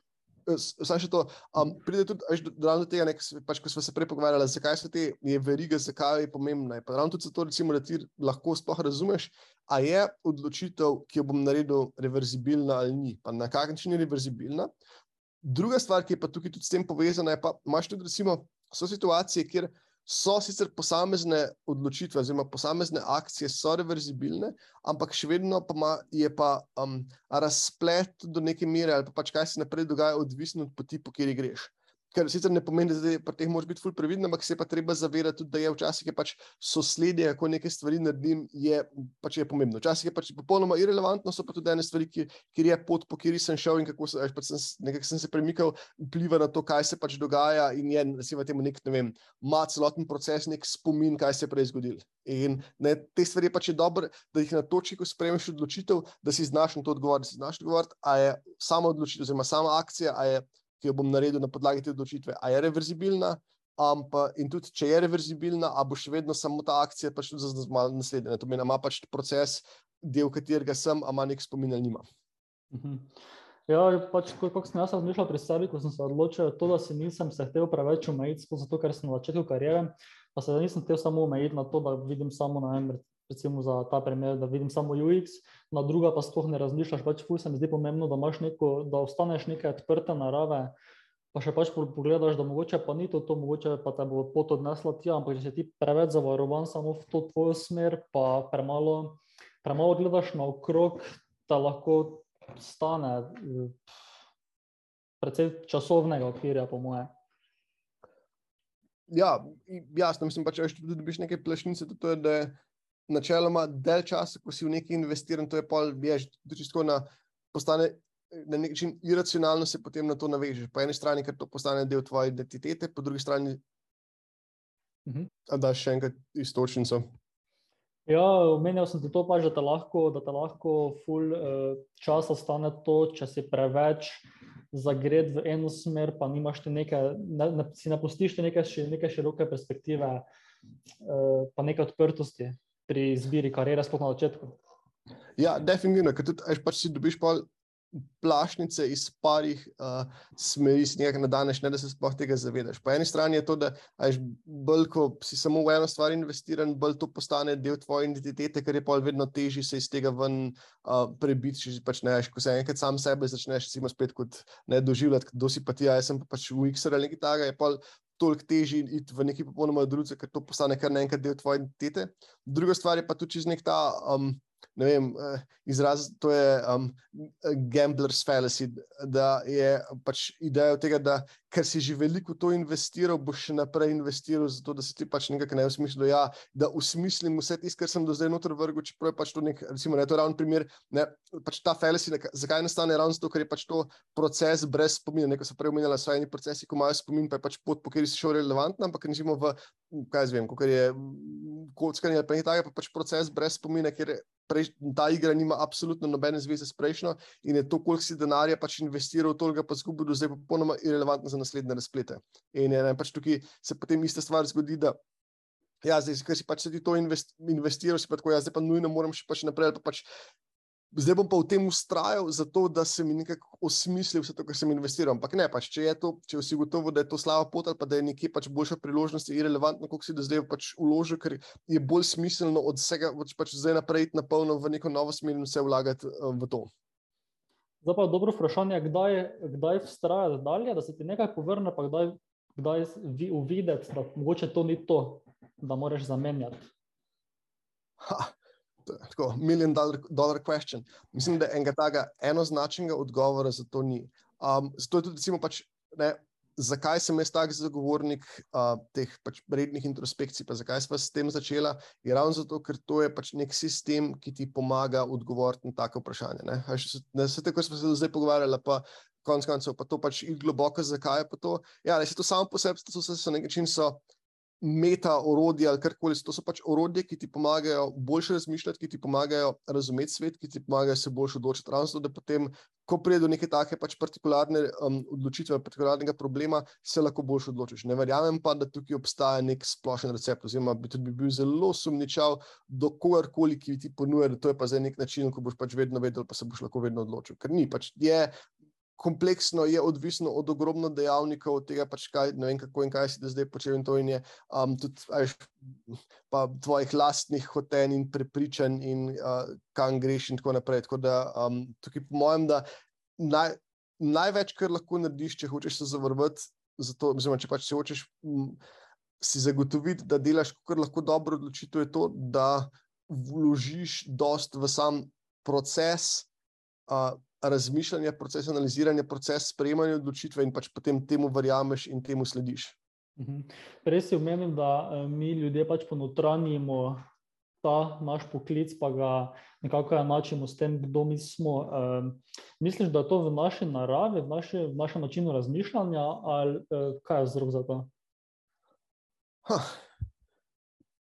En del, mislim, da v naši naravi je mogoče pač močen izraz, oziroma na nek način tudi, ja, ker je, až to je spet je način, kako, to je način iskanja smisla in poslanstva na svetu. In je odgovor na to, da smo pač obdani z nekim kompleksnim svetom. Pač kompleksen svet, zdaj pa tudi konec koncev bil, ne vem, pa ta že let nazaj bil tako um, svet kompleksnost, ali pa vsaj v smislu, pač vsaj nekako v dobršni meri nerazumljiv in uh, ne, nepojemljiv.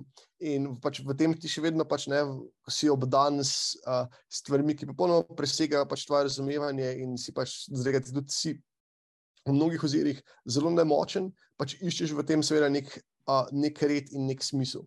Um, in potem pač kakšne koli oblike. Identifikacije so nek pač obrazec tega, da najdeš neko svoje mesto in svoj red.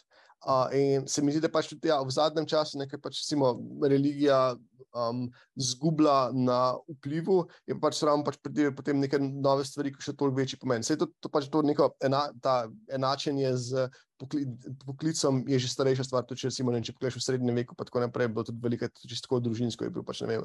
Oče čevlar in potem je bil tudi postal pač sin čevlar in pač tega tudi konec koncev primki in vse ti ne vem, kovač, mlinar, pa tako naprej pač se, to, to je ravno to, da je pravzaprav si že rojen tudi v, v poklic če pogledaš na etimologijo, ne, poklic sem, k čemu sem poklican, kaj je tisto, ne, pač, kar je nek moj a, namen na svetu. Ampak se mi. Pač, tukaj, tukaj je gotovo ena komponenta tega, še precej starejša, ni samo neka trenutna, recimo, uh, kriza pomena in vrednot, um, ki je pač zaradi vrzeli, recimo, ki nastane, ko je pač se umaknila religija, ki je ponujala odgovore, um, mislim, da se v tem naprej, pa so pakirane odgovore na um, ta vprašanja, ampak je pa gotovo pač dan danes je to še nek dodatna stvar. Ne? Poleg tega je tudi, je, um, druga zadeva je, da se je pač izkazalo, da je tudi nekaj se ta vprašanja identitete pa pripadnosti, pa tako so um, dober način za tako manipulacijo kot monetizacijo, in zaradi tega se še toliko bolj pač te stvari postajajo, zdaj se pač postavljajo v spredje, in je spet naj se pač izkorišča ravno tega. Uh, Identifikacija pač vzorcev, pač obrazcev identifikacije se, se še skozi to, um, pač jih uh, se prihajajo bolj v, v spredje. Zna biti, čeprav ne po drugi strani, če pogledaš, kaj zdaj se pač je.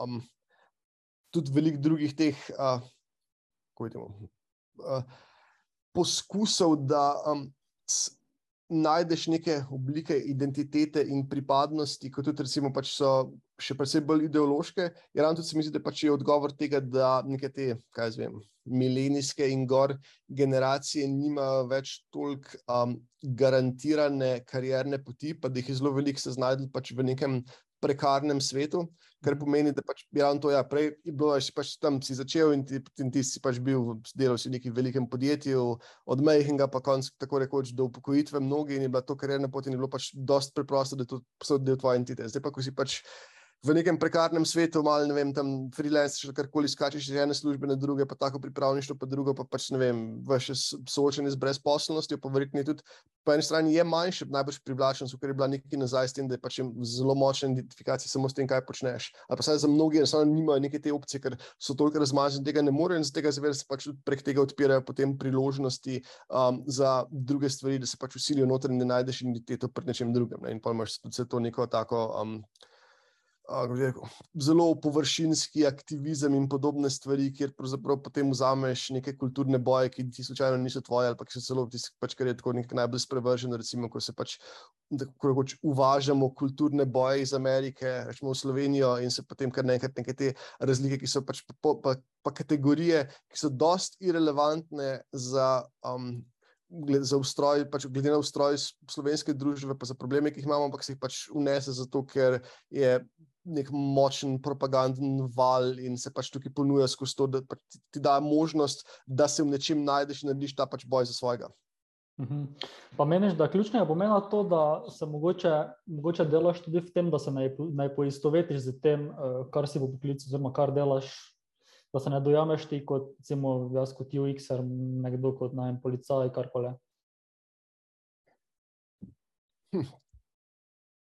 Pač Ja, in ne. Okay. Optimalno, gotovo ni, se mi pa zdi, da je to lahko še vedno pač najbolj zdrava opcija, ki jo mnogi imajo. Uh mhm. -huh. To je isti pogled, kot recimo tudi, vem, če me vprašaš za moj pogled na religijo, je pač ravno tako, da je za, pač opravlja neko funkcijo, ki pač izpolnjuje odgovore na neka zelo pereča, eksistencialna vprašanja. Um, in če nimaš pač če nimaš ničesar, je neprimerno bolj grozen obstoj, kot da pač imaš nekaj, kar ti da to sigurnost. In enim je pač bolj lagodno, recimo, bre, pač je biti brez te sigurnosti bolj lagodno kot drugim, ampak so eni, ki bi pač to popolnoma neuzdržen, tega nima. In tako je to pač, je, seveda, je to neka pozitivna sila in tukaj je pač podobno. Um, z nečem se boš identificiral. Zdaj, koliko je to pač pretanjeno, pa kompleksno, je odvisno od človeka do človeka, ampak samo zato pač završiti, ker ne vem, so ljudje, ki se lahko, um, ki imajo lahko pač mogoče bolj fleksibilno ali bolj prosvetljeno, pač tega, v čemer se najdejo, ne pomeni, da to je odgovor za vse. Ampak je pač tukaj treba biti nekako realističen in se vprašati, pač tudi, kaj so ostale alternative. In za mnoge pač, ja, je to, da se ti identificiraš s svojim poklicem, relativno dobra alternativa napram temu, kar bi sicer zapadlo. Ja, se mi zdi smiselno, ker moraš pa pogledati tudi z druge strani, ker eni se identificirajo s tem, kar počnejo, eni pa se totalno ne na in to, da se bi tisti, ki se z svojim poklicem ne, ne najdejo nobenih skupnih točk, pa vseeno upravljajo, potem dobijo dokaj zmedeno sliko uh, sebe, kot kdo oni so to gotovo, ne, pa podaš pač tudi tisto, recimo, pač žalostno, sploh tam, kjer imaš ta presek, ne, da si po eni strani se še vedno ti je ena od ključnih točk te neke samo identifikacije, kaj počneš, ampak po drugi strani si pa tisti nekdo, ki veš pač samo gleda na ure, da bo tistih 4 ali 5, da greš domov in je potem malo groza, pač zdaj je ponedeljek in potem petek je super in tako naprej. In je, ajš, pač je, ne, da se, mislim, dobro, se nek ta odnos do službe tako, tako je, je, je dosti sprevrženo, ker ga tudi tega pop kultura servira na pladno, ravno tako je nekaj take dosti toksične kakšno recimo, razmerje med um, možem in ženo, kot tudi recimo, je bilo tam sploh, če pogledaš malo nazaj, tam kaj se v 90-ih, pa začetku tega stoletja, um, je zelo velik teh raznih ne vem, komedij, pa tako naprej, bilo ravno okoli tega popolnoma disfunkcionalnega odnosa med uh, moškim in žensko, ker tudi ja, je pač je slabo in ni tako, da so pač ne vsi možje samo nekako. Uh, tolerirajo um, njihovo svojo ženo, ki je pa poln zmaj, ker je pač jasno, da, da to ni stanje stvari in je, je pa pač je neka taka bila, mislim, da se mi zdi tako zelo škodljiv um, vzorc, ki potem tudi, ko pač zdaj lahko neče gledaš genealogijo tega, pač posledice tega je to, da ja, recimo, stopna ločitev v Ameriki drastično v porastu. Um, in tukaj pač je podobna stvar, da mali tudi to, da je spet nek ta naprej zapakiran vzorec tega, kako je pač služba nekaj groznega in kako pač moramo samo čakati na to, um, da bo vikend, ker je potem problem, če imaš po eni strani, ne, pač prevzameš te vzorce in po drugi strani pač še vedno samo še identificiraš s tem, kar počneš, ker potem si v neki situaciji, ko je že pač to dvoje skupaj je težko. Tako rekoč ne mogoče oboje, na um, konsolidirati, in imaš potem vedno nek ta razcep globoko samo v sebi, ker seveda te bo pripeljal do tega, da si nezadovoljen, ker pa si fundamentalno si zadovoljen s tem, pač kdo si. Mhm, ja. Pravno to je tisto, k čemu pač bi večinoma ljudi moglo strmeti, in to je to, da spoznajo sami sebe ne skozi neke, neki poklic, ampak eh, s tem, če se vrnemo k prvemu vprašanju z redno in sistematično introspekcijo, ne, da se spoznajo skozi to in ne skozi eh, neki poklic, ki ga upravljajo. Ja, mislim, da je tudi pač to, kar počneš, še vedno je, je neizogibno, da boš veliko časa, pač, mislim, da je večina mogla, bo preživela v službi, hočeš nočeš. Tako da to je lahko tudi krasno orodje, da sam sebe spoznaš. Ampak je pa, pa treba je pa paziti med tem, da sam sebe spoznaš, pa da je pač, ali pa med tem, da to postane, to postane tisto, kar te določa. Mhm. To je tisto, kar rečeš. Pač, ja, to je nekaj, kar boš mogel početi. To je nekaj, kjer boš, pač, ko boš enkrat prišel iz nekega formaliziranega izobraževanja. Je to tako rekoč za, mno, je pač za mnoge ljudi to še edina pot, um, po kateri se bojo karkoli samo izboljšvali ali pa spremenjali.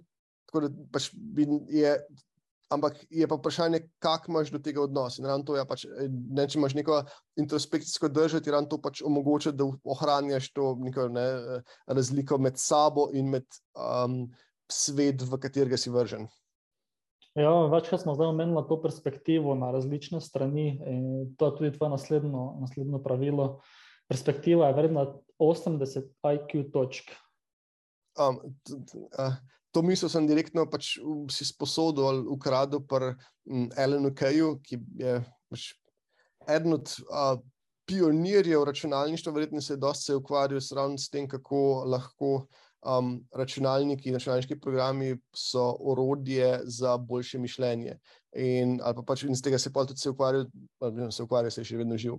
Um, se ukvarja tudi s tem, kako pač mislimo in kako um, se lotevamo problemov in kako jih analiziramo. In je pač ideja ravno v tem, da če znam si nek problem, da velikrat samo s tem, da pač reformuliraš problem drugače, nekaj, kar je bilo prej zelo težko ali popolnoma nerazumljivo, postane jasno in razumljivo. Zdaj, tak, vem, banalen primer tega je, če primerjaš recimo rimski sistem številk pa zdaj s tem našim z arabskimi številkami. Mhm. Ni tako, ker je ne vem, neko deljenje je neprimerno, neprimerno bolj zapleteno v, z rimskimi številkami, kot je z arabskimi. Samo z tega, ker pač edina stvar, ki smo jo naredili, je to, da smo spremenili sistem notacij. In ker naenkrat je pač to, kaj lahko počnem, se je fulj spremenil, ker je nekaj, kar je bilo prej divje težko, postalo bistveno, bistveno bolj preprosto in bistveno, bistveno bolj dostopno. Kar pomeni, še in pol, ker je pa to bolj dostopno, se pa tudi, ne vem, bolj pogosto uporablja in zato, ker se bolj pogosto uporablja, lahko pač rešuješ probleme, drugače pač ene zadeve, ki se jih drugače ne bi tako lotil, jih rešuješ in ker naenkrat izpadeš bistveno bolj pameten, rekovaj, kot bi bil nekdo, pač, ki, se, ki ima samo omejitev s tem, da se je problema lotil v napačni smeri. Mhm. Torej, meniš, da, da je tudi pomembno, da um, ko prideš do neke težave, kot si najprej omenil, da stopiš korak, dva, tri nazaj, pa si pogledaš ta, ta problem, oziroma uh, to oviro iz druge perspektive, oziroma iz malo, če karakiramo, da pogledaš malo od zadaj, z večje, z večje razdalje. Definitivno, še to tudi pač napeljevati ta, ne, ko smo se prej pogovarjali o tem, da sprašuješ se, zakaj. Ravno zato, da ne, če ostaneš samo v svetu simptomov, je pač, sva rekla, je, ne boš videl za res vzorcev in bo potem problem neprimerno bolj težek, zdaj, ker bo pač ga zgled, da ga je bistveno več. Ne boš pač videl, tise, kje se pa stvari začnejo ponavljati, kaj so skupne točke, kaj so recimo neki, neki vzvodi, kjer lahko pritisnem, pa se bo zelo veliko stvari hkrati spremenili. Z tega bom pač, ne, če se bom samo jaz zaganjal, proti simptomom, bom inherentno rešil pisano teže probleme, ker je enostavno pač obseg problema toliko večji, kot če grem par korakov nazaj, pa najdem neko pač, uh, točko, kjer imam dober vzvod in lahko potem dosežem veliko spremembo. Se, je pa tukaj še um, druga. Um, Prs, še drug aspekt te um, ideje, ta je pa bolj povezan s tem, z izbiro orodij. In ena stvar, ko smo predvsej premalo pozorni na to, kakšno orodje uporabljamo. Ker ne glede na to, kako orodje uporabljaš, bo do neke mere v okviru ali kaj počneš. Zdaj, ne vem, tista znana ideja, ne, da če imaš pač v roki kladivo, je vsak problem zgleda kot žebu. In potem je pač velika resnica, čeprav mogoče pač je. Um, Boljši pogled na to, da, da gledaš, da gledaš skozi to uh, prizmo, da orodje bo narekoval, kaj počneš, pa kako se lotevaš reševanja problemov, preprosto iz tega, da stvari, ki so preproste za narediti v orodjih, ki jih imaš, boš delal pogosto, stvari, ki jih je pa narediti težko, ali pa ki ima pač vem, veliko trenja, jih boš pa delal z tega toliko manj pogosto. In to ima lahko zelo, zelo velike posledice na to, kolik, kako se lotevaš reševanja problemov in koliko si uspešen v reševanju problemov. Ne vem, recimo en tak znam primer tega je bil v bolj začetnih letih um, data science. Pač Python, recimo, se, kot, se je že vzpostavil kot da pač izbrano okolje in pač če dalje večji ekosistem tam nastajal.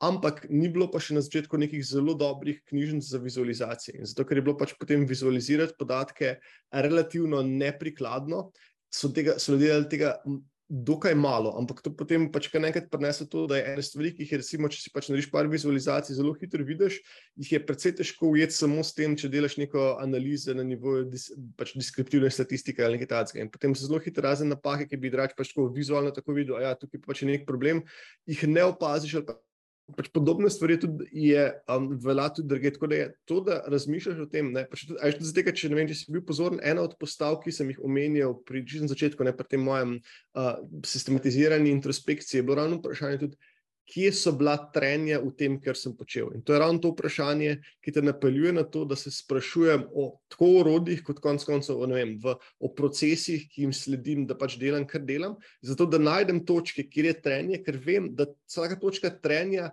je nekaj, kar je pač, ok, tukaj sem detektiral, ampak verjetno je pa še veliko drugih primerov, kjer je pa pač enostavno sem podzavestno sprejel neko odločitev, zato sem se temu trenju izognil. Ali pa tudi tam, ko je pač je bilo, me je upočasneval, pa zaradi tega ne vem. Sem mogoče sem pač fokus, mi je, ali mi je fokus padal, sem mogel pozorno, ali sem pač usmeril samo nekam drugam ravno, pač, da sem premustil to trenje, ne mest, da bi pač sledil in rešil sam problem, ki sem ga imel pri roki. In Tako da tukaj, iz, recimo, iz vidika samo izboljševanja, je to eno pač ključnih ravno to vprašanje, kje je bilo trenje v stvarih, ki sem jih počel in kako lahko to trenje, pač najprej, da ga sploh znam imenovati, identificirati to trenje in potem, kaj lahko naredim, da to trenje odstranim. Ali pa tudi, ne se tudi primer tega je bil konec koncev to, kar smo se pogovarjali tudi spet na začetku um, v kontekstu introspekcije, ko si pač ti načel temu zapisovanja. Potem smo prišli na to, da pač ne vem razliko med tem, če delaš si zapiske uh, digitalno napram temu, če delaš na papir. Je spet to, da ti pač je danost papirja in ne vem, svinčnika ali kulija, ima neko pač a, telesno komponento in neposrednost, in tudi to, da pač, vem, lahko kul skačeš in, in da, vem, delaš, da zelo hitro recimo, lahko presekuješ med raznimi modusi zapisovanja, še tega, da ne nekaj skiciram, pa delam črte, počrtujem in tako naprej. Medtem, ko, če imam neko no-taking orodje, bo vedno moram tam preklapljati med orodje ali karkoli, celo tudi drug program. In ravno to, da je pač ne na papirju, pa to me, ni pa tako rekoč nobene, ni stroška v smislu nekega napora ali pa neke intencionalnosti, ki jo moram užiti, da presekujem med temi pač modusi zapisovanja, zato tega bom to delal bistveno bolj pogosto. In recimo v situacijah, kjer je to, kot je neko tako pač. Semi-strukturirano zapisovanje ali pa pač sledenje nekim idejam, ali pa celo če se grem nek brainstorming sam s sabo, se izkaže, da pač je ravno to, ja, da odstranimo vse te stvari, je pomembno, ker je ravno je neka moč v tem, da lahko zelo spontano preskočim iz tega, da si vem, ene stvari zapisujem, to, da naredim nek diagram, pa da potem grem nekam nazaj, pa nekaj pač obkrožim in lahko predvsem bolj učinkovito ven potegnem ali nekaj uvide, ali pa samo sledi neki temi, ki se pač odvija, če delam zapiske, ko ne vem, nekdo drug govori ali pač ne vem, nekaj poslušam ali berem.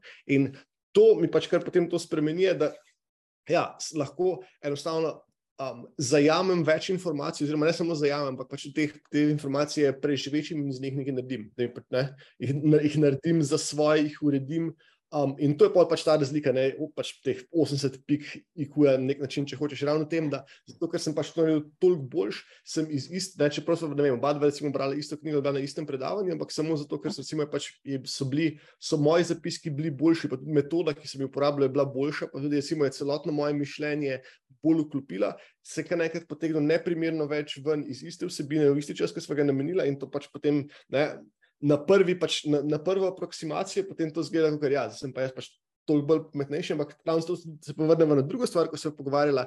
Pejmo par korakov nazaj. Mogoče ni to, da sem jaz pač dejansko pametnejši, ampak je samo to, da sem urodja in pač ne, ne mislim, da samo urodje v smislu fizičnim papirjem, ampak tudi celoten proces, ki je tudi za me vedno pač urodje, ki sem jih uporabljal, so bila boljša kot tiste, ki si jih ti uporabljal in zato smo pač toliko drugačni, recimo kategorično boljši um, rezultat, kot si ga moti.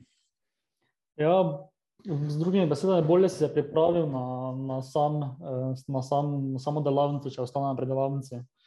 Eh, bolje si se pripravil, ne pa si tudi več od nepolo odnesel, ker če, se, če gremo nazaj na to, ko si omenil, da na računalniku, recimo, če se dela zapiska, moraš preklapati med orodji, mogoče med celo med programe, kar pa lahko eh, povzroči tudi, da zgubiš ali misel ali neko, neki zagon, v katerem si bil ne, na papirju, pa s papirjem, pa z kulico ali svinčnikom, pa si veliko manj omejen, pa lahko v bistvu daš več, več nekih funkcij hkrati, eh, pač karkoli ti pride na pamet.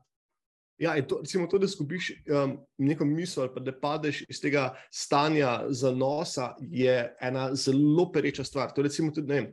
Uh, Metabase je neko biorodje, na katerem sem štiri leta delal in tam smo recimo dali zelo velik pomen ravno uporabniški izkušnji in med drugim tudi temu pač idej, da idealno hočeš čim bolj ostati v tem stanju, v stanju za hm, flow, stanju, stanju za, ne, za nos, slovenski prevod, v stanju za nose, ko pač rešuješ problem, ker smo identificirali, drugače pač pogledaš, kak je proces za tako nekaj tipično, ko analiziraš podatke, je to, da ajš pač.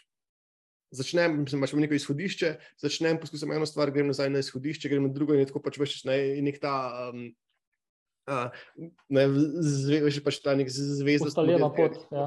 ja, pa se pač se ustavi, pa grem nazaj. In to je popolna antiteza tega, kot če pač hočeš biti v nekem tem stanju zanosa, greš pač iz ene stvari v drugo in potem pač stvari enostavno tečejo. In je zaradi tega je inherentno pač je učinkovitost manjša, ker si veš, če pač padeš ven iz tega in moraš vedno nekaj čim pa tisto prebagati to začetno. Um, začetno inercijo, da se, sploh, da se premikaš, ampak pa si že nekaj in, in greš nazaj. In, če pa ti preoblikuješ orodje tako, da pač bolj spodbuja neko to stanje za nos, pa kar naenkrat pride do tega, da si neprimerno bolj um, produktiven.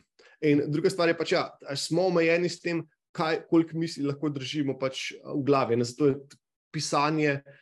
Tako zelo revoluc revolucionarna stvar, oziroma je, je toliko zelo, se mi zdi, da pač uh, uh, superčaržila, kako zmožnosti človeštva, ravno to, ker pisanje pomeni, da nisem več omejen z kompleksnostjo misli, s tem, kaj lahko držim v glavi, ampak da pač je eno od prvih orodij, ki mi je omogočalo eksternalizirati mišljenje in ga pač ne z zapisovanjem je ravno to, da je pač to nek podaljšek mojega mišljenja, ki mi omogoča, da mislim stvari, ki jih drugače ne bi mogel. Samo, če vse ostalo odšteva, samo zato, ker pač lahko neko kompleksnost, ki je drugače, ne morem hkrati držati v glavi, pač imam tam in se potem po koščkih vračam in se stavljam počasi skupaj. In, ne, Ampak, zdaj, seveda, pač, ima pa tudi vsake take, ne vem, ta, samo to dejanje eksternaliziranja ima neko svojo ceno, um, ne, da pač zaradi tega se toliko, toliko zgubi fokus. Pa ne bolj ko moram tudi razmišljati o tem, kaj zapisujem, bolj sem že ene druge stvari, ki sem jih takrat na ideje, ki sem jih imel v glavi, bolj bom pozabil. Tako da tukaj je, seveda. Je nek zelo, zelo občutljivo ravnovesje med obojnimi, in pač spet en razlog, zakaj hočem imeti čim manj trajne pri zapisovanju, ker hočem pač žrtvovati čim manj tega, kar imam v glavi, zato da pač lahko nekaj stvari zapišem. Ne, hočem pač čim manjšo ceno plačati, na koliko moram razmisliti o tem posvetiti. Ne, bolj ko se pač borim s svojim urodjem, pa tam ne vem, preklapljati med način, pa zdaj tudi diagramiranje, pa to, pa uno, pa tretje, pa ne vem, pa imam ne vem, bo kvadratek ali bo krogec, pa pušica, mislim, bo več connecting lines, pušica ali brez popolnoma irrelevantna odločitva, ampak je še vedno te mnoga urodja, te pač prisilijo v to, da vse te odločitve vsaj podzavestno sprejemem, ampak pač in to plačam s tem, da pozabim polovico tega, kar je tisto, kar sem pravzaprav si zares hotel zapisati. Dobro, zdaj malo karikiram, ni ravno polovico, ampak pač, ene, pač bolj kot je kompleksna misel, bolje je ravno to, da je, če samo par stvari pozabim. Ali pa pač izgubim, se bo celotna stvar pač se bo sesedla. Vse nekaj ja. pač preproste stvari ni to problem, ampak pač pri nekih kompleksnih idejah je pa zelo hitro to, da je ravno tiste neke drobne nianse, ki jih izgubim, so bile dost ključne pri tem, da je, veš, pač, je to ključ do razumevanja ali pa samo pač postane to, da je, je nek ne vem, brain dump nekih, posame, nekih posameznih problemov, ki pa pač medtem, ko se pa povezava in predplet med njimi, se pa, se pa je tisto, kar se ne bo najhitreje izgubil. Mm -hmm. Se strinjam. Ja. Pa tudi to pisanje ti omogoča, da, da spuščaš nekaj ideje iz, iz glave, v bistvu, da jih ne, ne probiš držati več čas v glavi, ampak veš, ko si jih zlino papir, veš, da jih imaš tam in ne rabiš več čas razmišljati o njih, pa si polniti polnit, uh, misli z tem, da razmišljaš o tem, ali še imaš vedno vse informacije skupaj, da nekaj ne. Ravno tako si omenil, da, da se ti ne seseda vse skupaj, celotna ideja. Ne? Ja, pa tudi, pa še en dodaten input je to v ne, introspekcijo, če vidiš, da lahko pač, ker je. Ostane fiks, neka, ne, pač neka točka v tvojem mišljenju, postane fiksirana in se lahko vrneš. Drugače, pač vedno, če se ne spominje, vsaj če se jaz nečesa spomnim, se bo dejansko se bo moj spomin malo modificiral. Ne, pač je, več, ne paradoksalno, večkrat, ko se o isti stvari razmišljam, pa ko se spomnim, bolj se bo ta spomin zamazal, ker bo vedno pač bo, bo prišlo do nekega manjšega udora stvari, ki so pač me trenutno obdajajo in mojih trenutnih pač misli. Ne, ker je pač je spomin tako deluje, da se pač se vedno znova se pač se zapisuje in se bo za tega bo vedno pač se bo še neki šale zraven um, zapisal. Medtem ko tukaj pa pač, ne, ko je pa enkrat zapisano, pa je fiksno in dejansko lahko grem gledati, kako se pač so se moje misli, tuh mojih misli se, se spremenijo, vsem da pač gledam, ne vem, moje zapiske ali pa pač neke diagrame, ali karkoli, ko sem jih naredil, kaj sem en mesec nazaj, pa, pa zdaj, pa primerjam, pa se potem se mi takoj odpira ravno nekaj ta vprašanja o tem, okay, pač, kaj so razlike, zakaj je prišlo do teh razlik, kaj so pač, kje so ujemanja, zakaj, pač prišlo, zakaj so ujemanja takšne, kakšne so.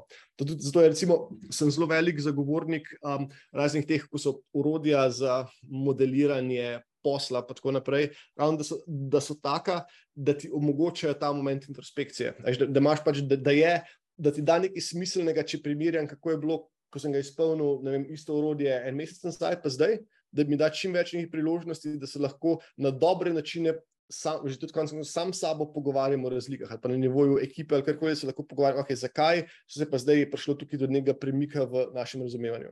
Mm. Ja, ful zanimivo, um, ful se mi odprl neko novo perspektivo. To mislim, da se bom ta pogovor parkrat pogledal, da, um, da dojamem vse skupaj. Zadnjo, zadnjo vprašanje, nelinearno razmišljanje. Ja. Uh, tud, se, spet do neke mere se vračamo nazaj na teme, ki smo jih že imeli. En, eno od teh je, da pač smo v zelo kompleksnem svetu, in da po drugi strani mi smo pa pač zelo preprosta bitja, fundamentalno. In ljudje enostavno pač nismo dobri v tem, da razmišljamo o vel, zelo velikih ali pa zelo majhnih količinah. Veš, pač načeloma, ne, naš čisto evolucijsko, kako so pač tudi naše razmišljanje, pač smo narejeni za to, da smo dokaj dobri v nekem tem prostorskem, pa logičnem razmišljanju o količinah in razsežnostih, ki so pač približno podobne nam. Ne. To pomeni, kako efektivno, metri ali pač ne vem, ne, te palci in dolžina roke, in tako naprej, in potem pač neki, neki ne preveč veliki, večkratni tega ali pa deleži tega. Ja, po drugi strani, pač, ko pa greš iz tega, ne vem, na tisoče, pa sto tisoče, pa milijone, pa tako naprej. Je pa to postane popolnoma nepredstavljivo. In ker ljudje, če pač nismo zelo pozorni, bo naše razmišljanje bo še vedno pač linearno. Ne? To pomeni, da, pač, da kako, mentalni model, ki ga bomo imeli, če nismo zelo pozorni, je, ko ti razmišljaš o vem, razliki med tisoč in med milijardami, bo kot da bi razmišljal o razliki med 20 in 40. Mal karikiram, pa če pač, to pač v bistvu ne sploščiš neko tako zelo linearno skalo, ampak to dejansko pač svet pa ne deluje tako. Torej, ena pač dosti pomembna veščina je, da znaš pač identificirati, kje so situacije, ko je pač nekaj ta prvič, ali ko se. se soočaš z nekimi zelo velikimi um, količinami, ki imajo potem ne, pač, velike količine, imajo pravzaprav nekaj kvalitete same na sebi, že samo zaradi pač te velikosti. In druga stvar je tam, kjer se pač stvari pač dogajajo nelinearno, v smislu tega, da ni pač. Ne, Kot je bilo zdaj, pač, da se samo počasi gre, ampak da se ene stvari pač grejo eksponentno, ali kakorkoli gor se veča. In nekaj te stvari, pač take učinke, je zelo težko v tem razmišljati, ker spet pač ne. Naša privzeta, ustrojena, so pa ta neka, pač, kako imamo utelešeno, logično razmišljanje, tako da bo pač razmišljal zelo logično. Če se ne vem, tam vložimo nekaj dvakrat več sile, bo tudi pač učinek na drugi strani bo, bo dvakrat večji. Več, ja. Ja, ampak pač, seveda, dan danes to, mislim, pa tudi kadarkoli, ni, ve, ni vedno res in sploh pač z uporabo orodij in tako naprej, pač to zelo veliko pač je ta intuicija popolnoma napačna. In zato je pač pomemben, da znaš identificirati, da je pač neka situacija, ko ni, ko se pravzaprav bojo, kaj se dogaja, se bo pač drastično. Až to, ker recimo, nek tak primer nelinearnega razmišljanja, ko sem, ko sem omenil, ne te pač med nič do ena, od ne vem, ena do deset, od deset do, do sto. To je, je ravno to, da se pač ti zavedaš, da, ne, da ni tukaj zdaj od 1 do 100, da je samo pač neka linearna črta, ampak so pravzaprav so nekako področja z različnimi režimi.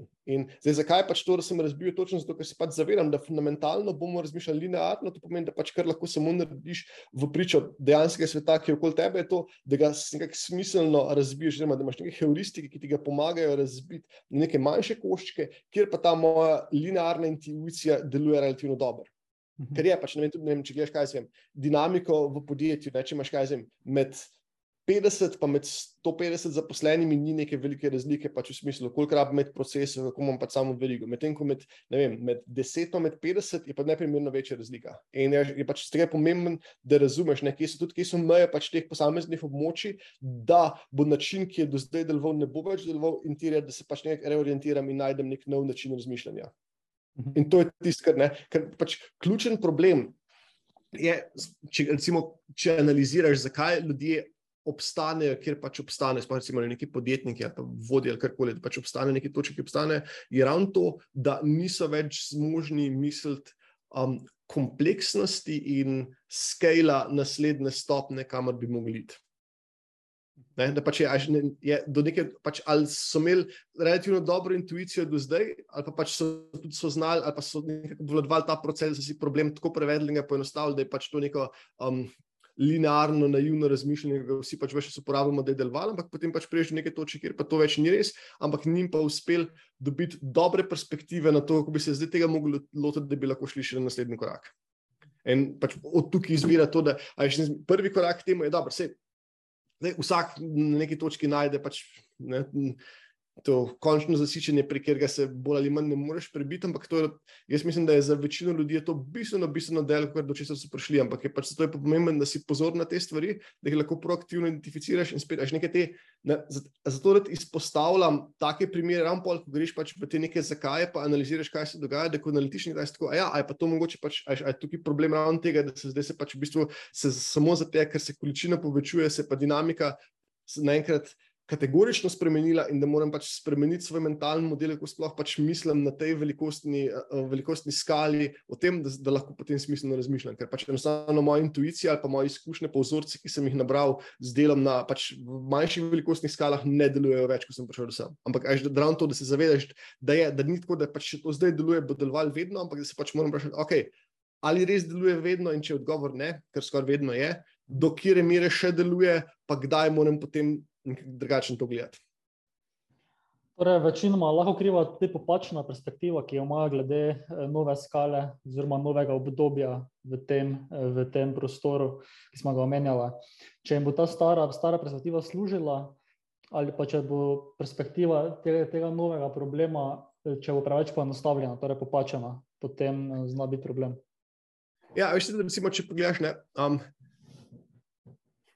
velike korporacije. Ne, pač se, tako, se, se sploh, vem, v startup svetu se radi delamo norca, ko imajo tam, ne vem, sedem, osem nekih umestnih slojev, middle management, tako eni drugim reporta. In pač je, to je v mnogih pogledih izrojeno, ampak je pa tudi pač razlog za to, je pa ravno zato, ker to je pač nek poskus tega, oziroma sistema, sistematičen poskus tega, da ti um, imaš na vsakem nivoju še vedno relativno Mehko, pač to neko osnovno enoto, v smislu, pač s kolikimi ljudmi delaš, pa koliko pač je pretok informacij. Pa tako naprej, tudi pač je še vedno kot gor, ko govori, reportaš tako, da pač se, se informacije filtrirajo, pa se samo najpomembnejše, ne zato, da pač imaš tam tiste ljudi, ki bi se celo njihovo življenje samo to deštancajo prezentacije, ker so ker so, so pač so na nek način samo prebavljajo informacije in jih filtrirajo do neke mere, da, da niso potem odločevalci na višjih stopnah preobremenjeni s tem, ker je pač enostavno preveč informacij z prenisko ločljivostjo.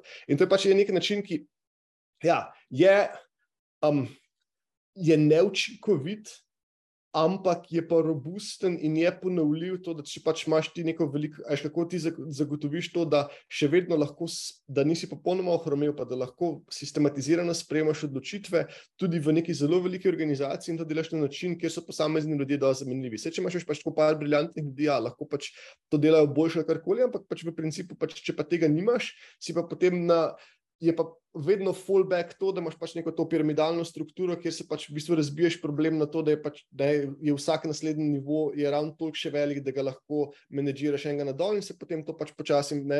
Zdaj, se, seveda, s tem se pač veliko zgublja, um, poleg tega je pač tega celotna stvar toliko bolj ukorna, inercija je toliko večja, odločitve se pač lahko težje sprejemajo, bla, bla, bla, pač zgub je, so seveda so obupne zgube na nivoju tega, koliko je potem me pač, koliko ljudi, ki v bistvu ne upravljajo neke funkcije, ki bi ustvarjala vrednost, ampak so samo zato, da se pač sistem sam sebe ohranja. In so, v vseh teh stvarih se pač seveda so priložili.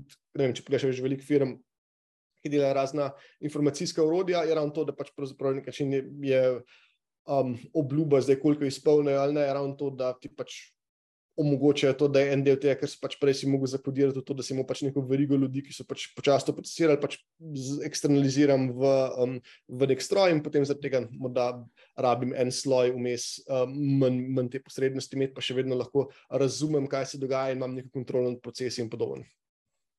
No, ta, tako, ta struktura potem v neki večji podjetjih ključnega pomena, ker če bi, če bi vsa informacija prišla točno do tistega na vrhu piramide, torej do direktorja, do menedžerja, kakorkoli, bi po mojem bil prenasičen z vsemi informacijami, plus svoje stvari, mora voditi, plus podjetje, mora, eh, mora voditi. Eh, ampak take ljudi na, na nižjih slojih, kot smo prej omenili, je pa ful težko najti, pa neko zaupanje moraš postaviti z njimi, da bo dejansko vse informacije prišle do vrha. Ja, ampak, ampak pač, kar je potem tukaj dejansko odgovor na to vprašanje, je, to, da narediš sistem toliko robusten, pa v mnogih stvarih tudi toliko redundančen, da ni, nimaš tega problema, da ne rabiš. Pač to je nekaj, kar je. S tem imamo vsi pač, imamo s tem problem, ko ti pač večje organizacije gradiš, bolj je to, da, da ne smeš več, až da je ravno poanta v tem, da vsakršnega, ki je, kar je pač paradoksalni, ampak je ne, glavna naloga tudi, da si imamo start-up, je to, da pač ja, v prvem koraku je to, da nabereš izjemne ljudi, In v drugem koraku je to, da ti vzameš te izjemne ljudi in jih na nek način narediš zamenljive s tem, da ti poskušaš njihovo izjemnost čim bolj zakodirati v neko kombinacijo internih procesov in internih orodij in znanja. Zdaj, ker pač je, ne, čim si odvisen od posameznih ljudi, um, je, ti bo to predstavljalo omejitev tega, koliko se lahko, lahko skalaš.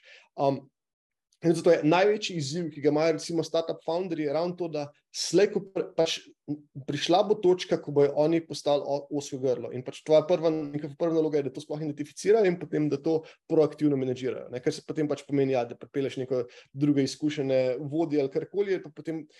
Ker je en korak, ampak to je tisto, če greš tako, da, da samo slediš receptom. Ampak ker je pa dejansko, kar naredi razliko med startupi, ki uspejo in tistimi, ki potem začnejo počasi, pač so že blizu tega, da čeprav se recimo founder umakne, ampak še vedno ne bojo pač se tam, ne vem, za en velikostno razred pa več zrasli, je pa to. A poleg tega, da ti ne samo, da pripeleš druge ljudi, ampak da še vedno founder ali founderi znajo identificirati, kaj so pa vne stvari, ki pa dejansko, v katerih so pa oni izjemni, In ne samo, da zdaj sam sebe pač, zamenjaš, pa pripeleš druge, pa se ti umakneš, ampak tudi to, da, da še vedno na nek način upišeš, eksternaliziraš to svojo izjemnost v samo organizacijo. To je pa tisti, tistim, ki to uspe, so potem postavili temelje za to, da pač organizacija raste še naprej in lahko doseže pač scale do te mere, da ga sam en posamezen človek ne bi več mogel popolnoma nadzorovati.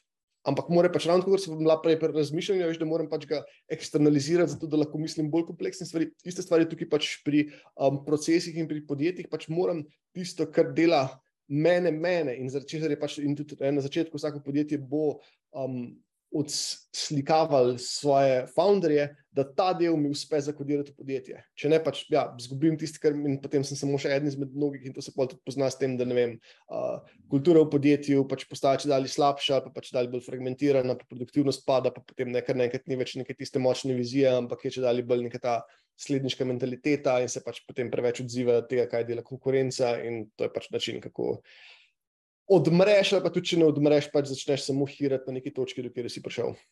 Mhm. Krasno. Simon, eh, mislim, da to, to smo že presegli uro, uro pa 50. Tako da, fulti hvala za vso tvojo deljeno znanje, pa seveda tvoj čas, eh, ki si ga namenil temu podkastu. Ja, le, mi je bilo veselje.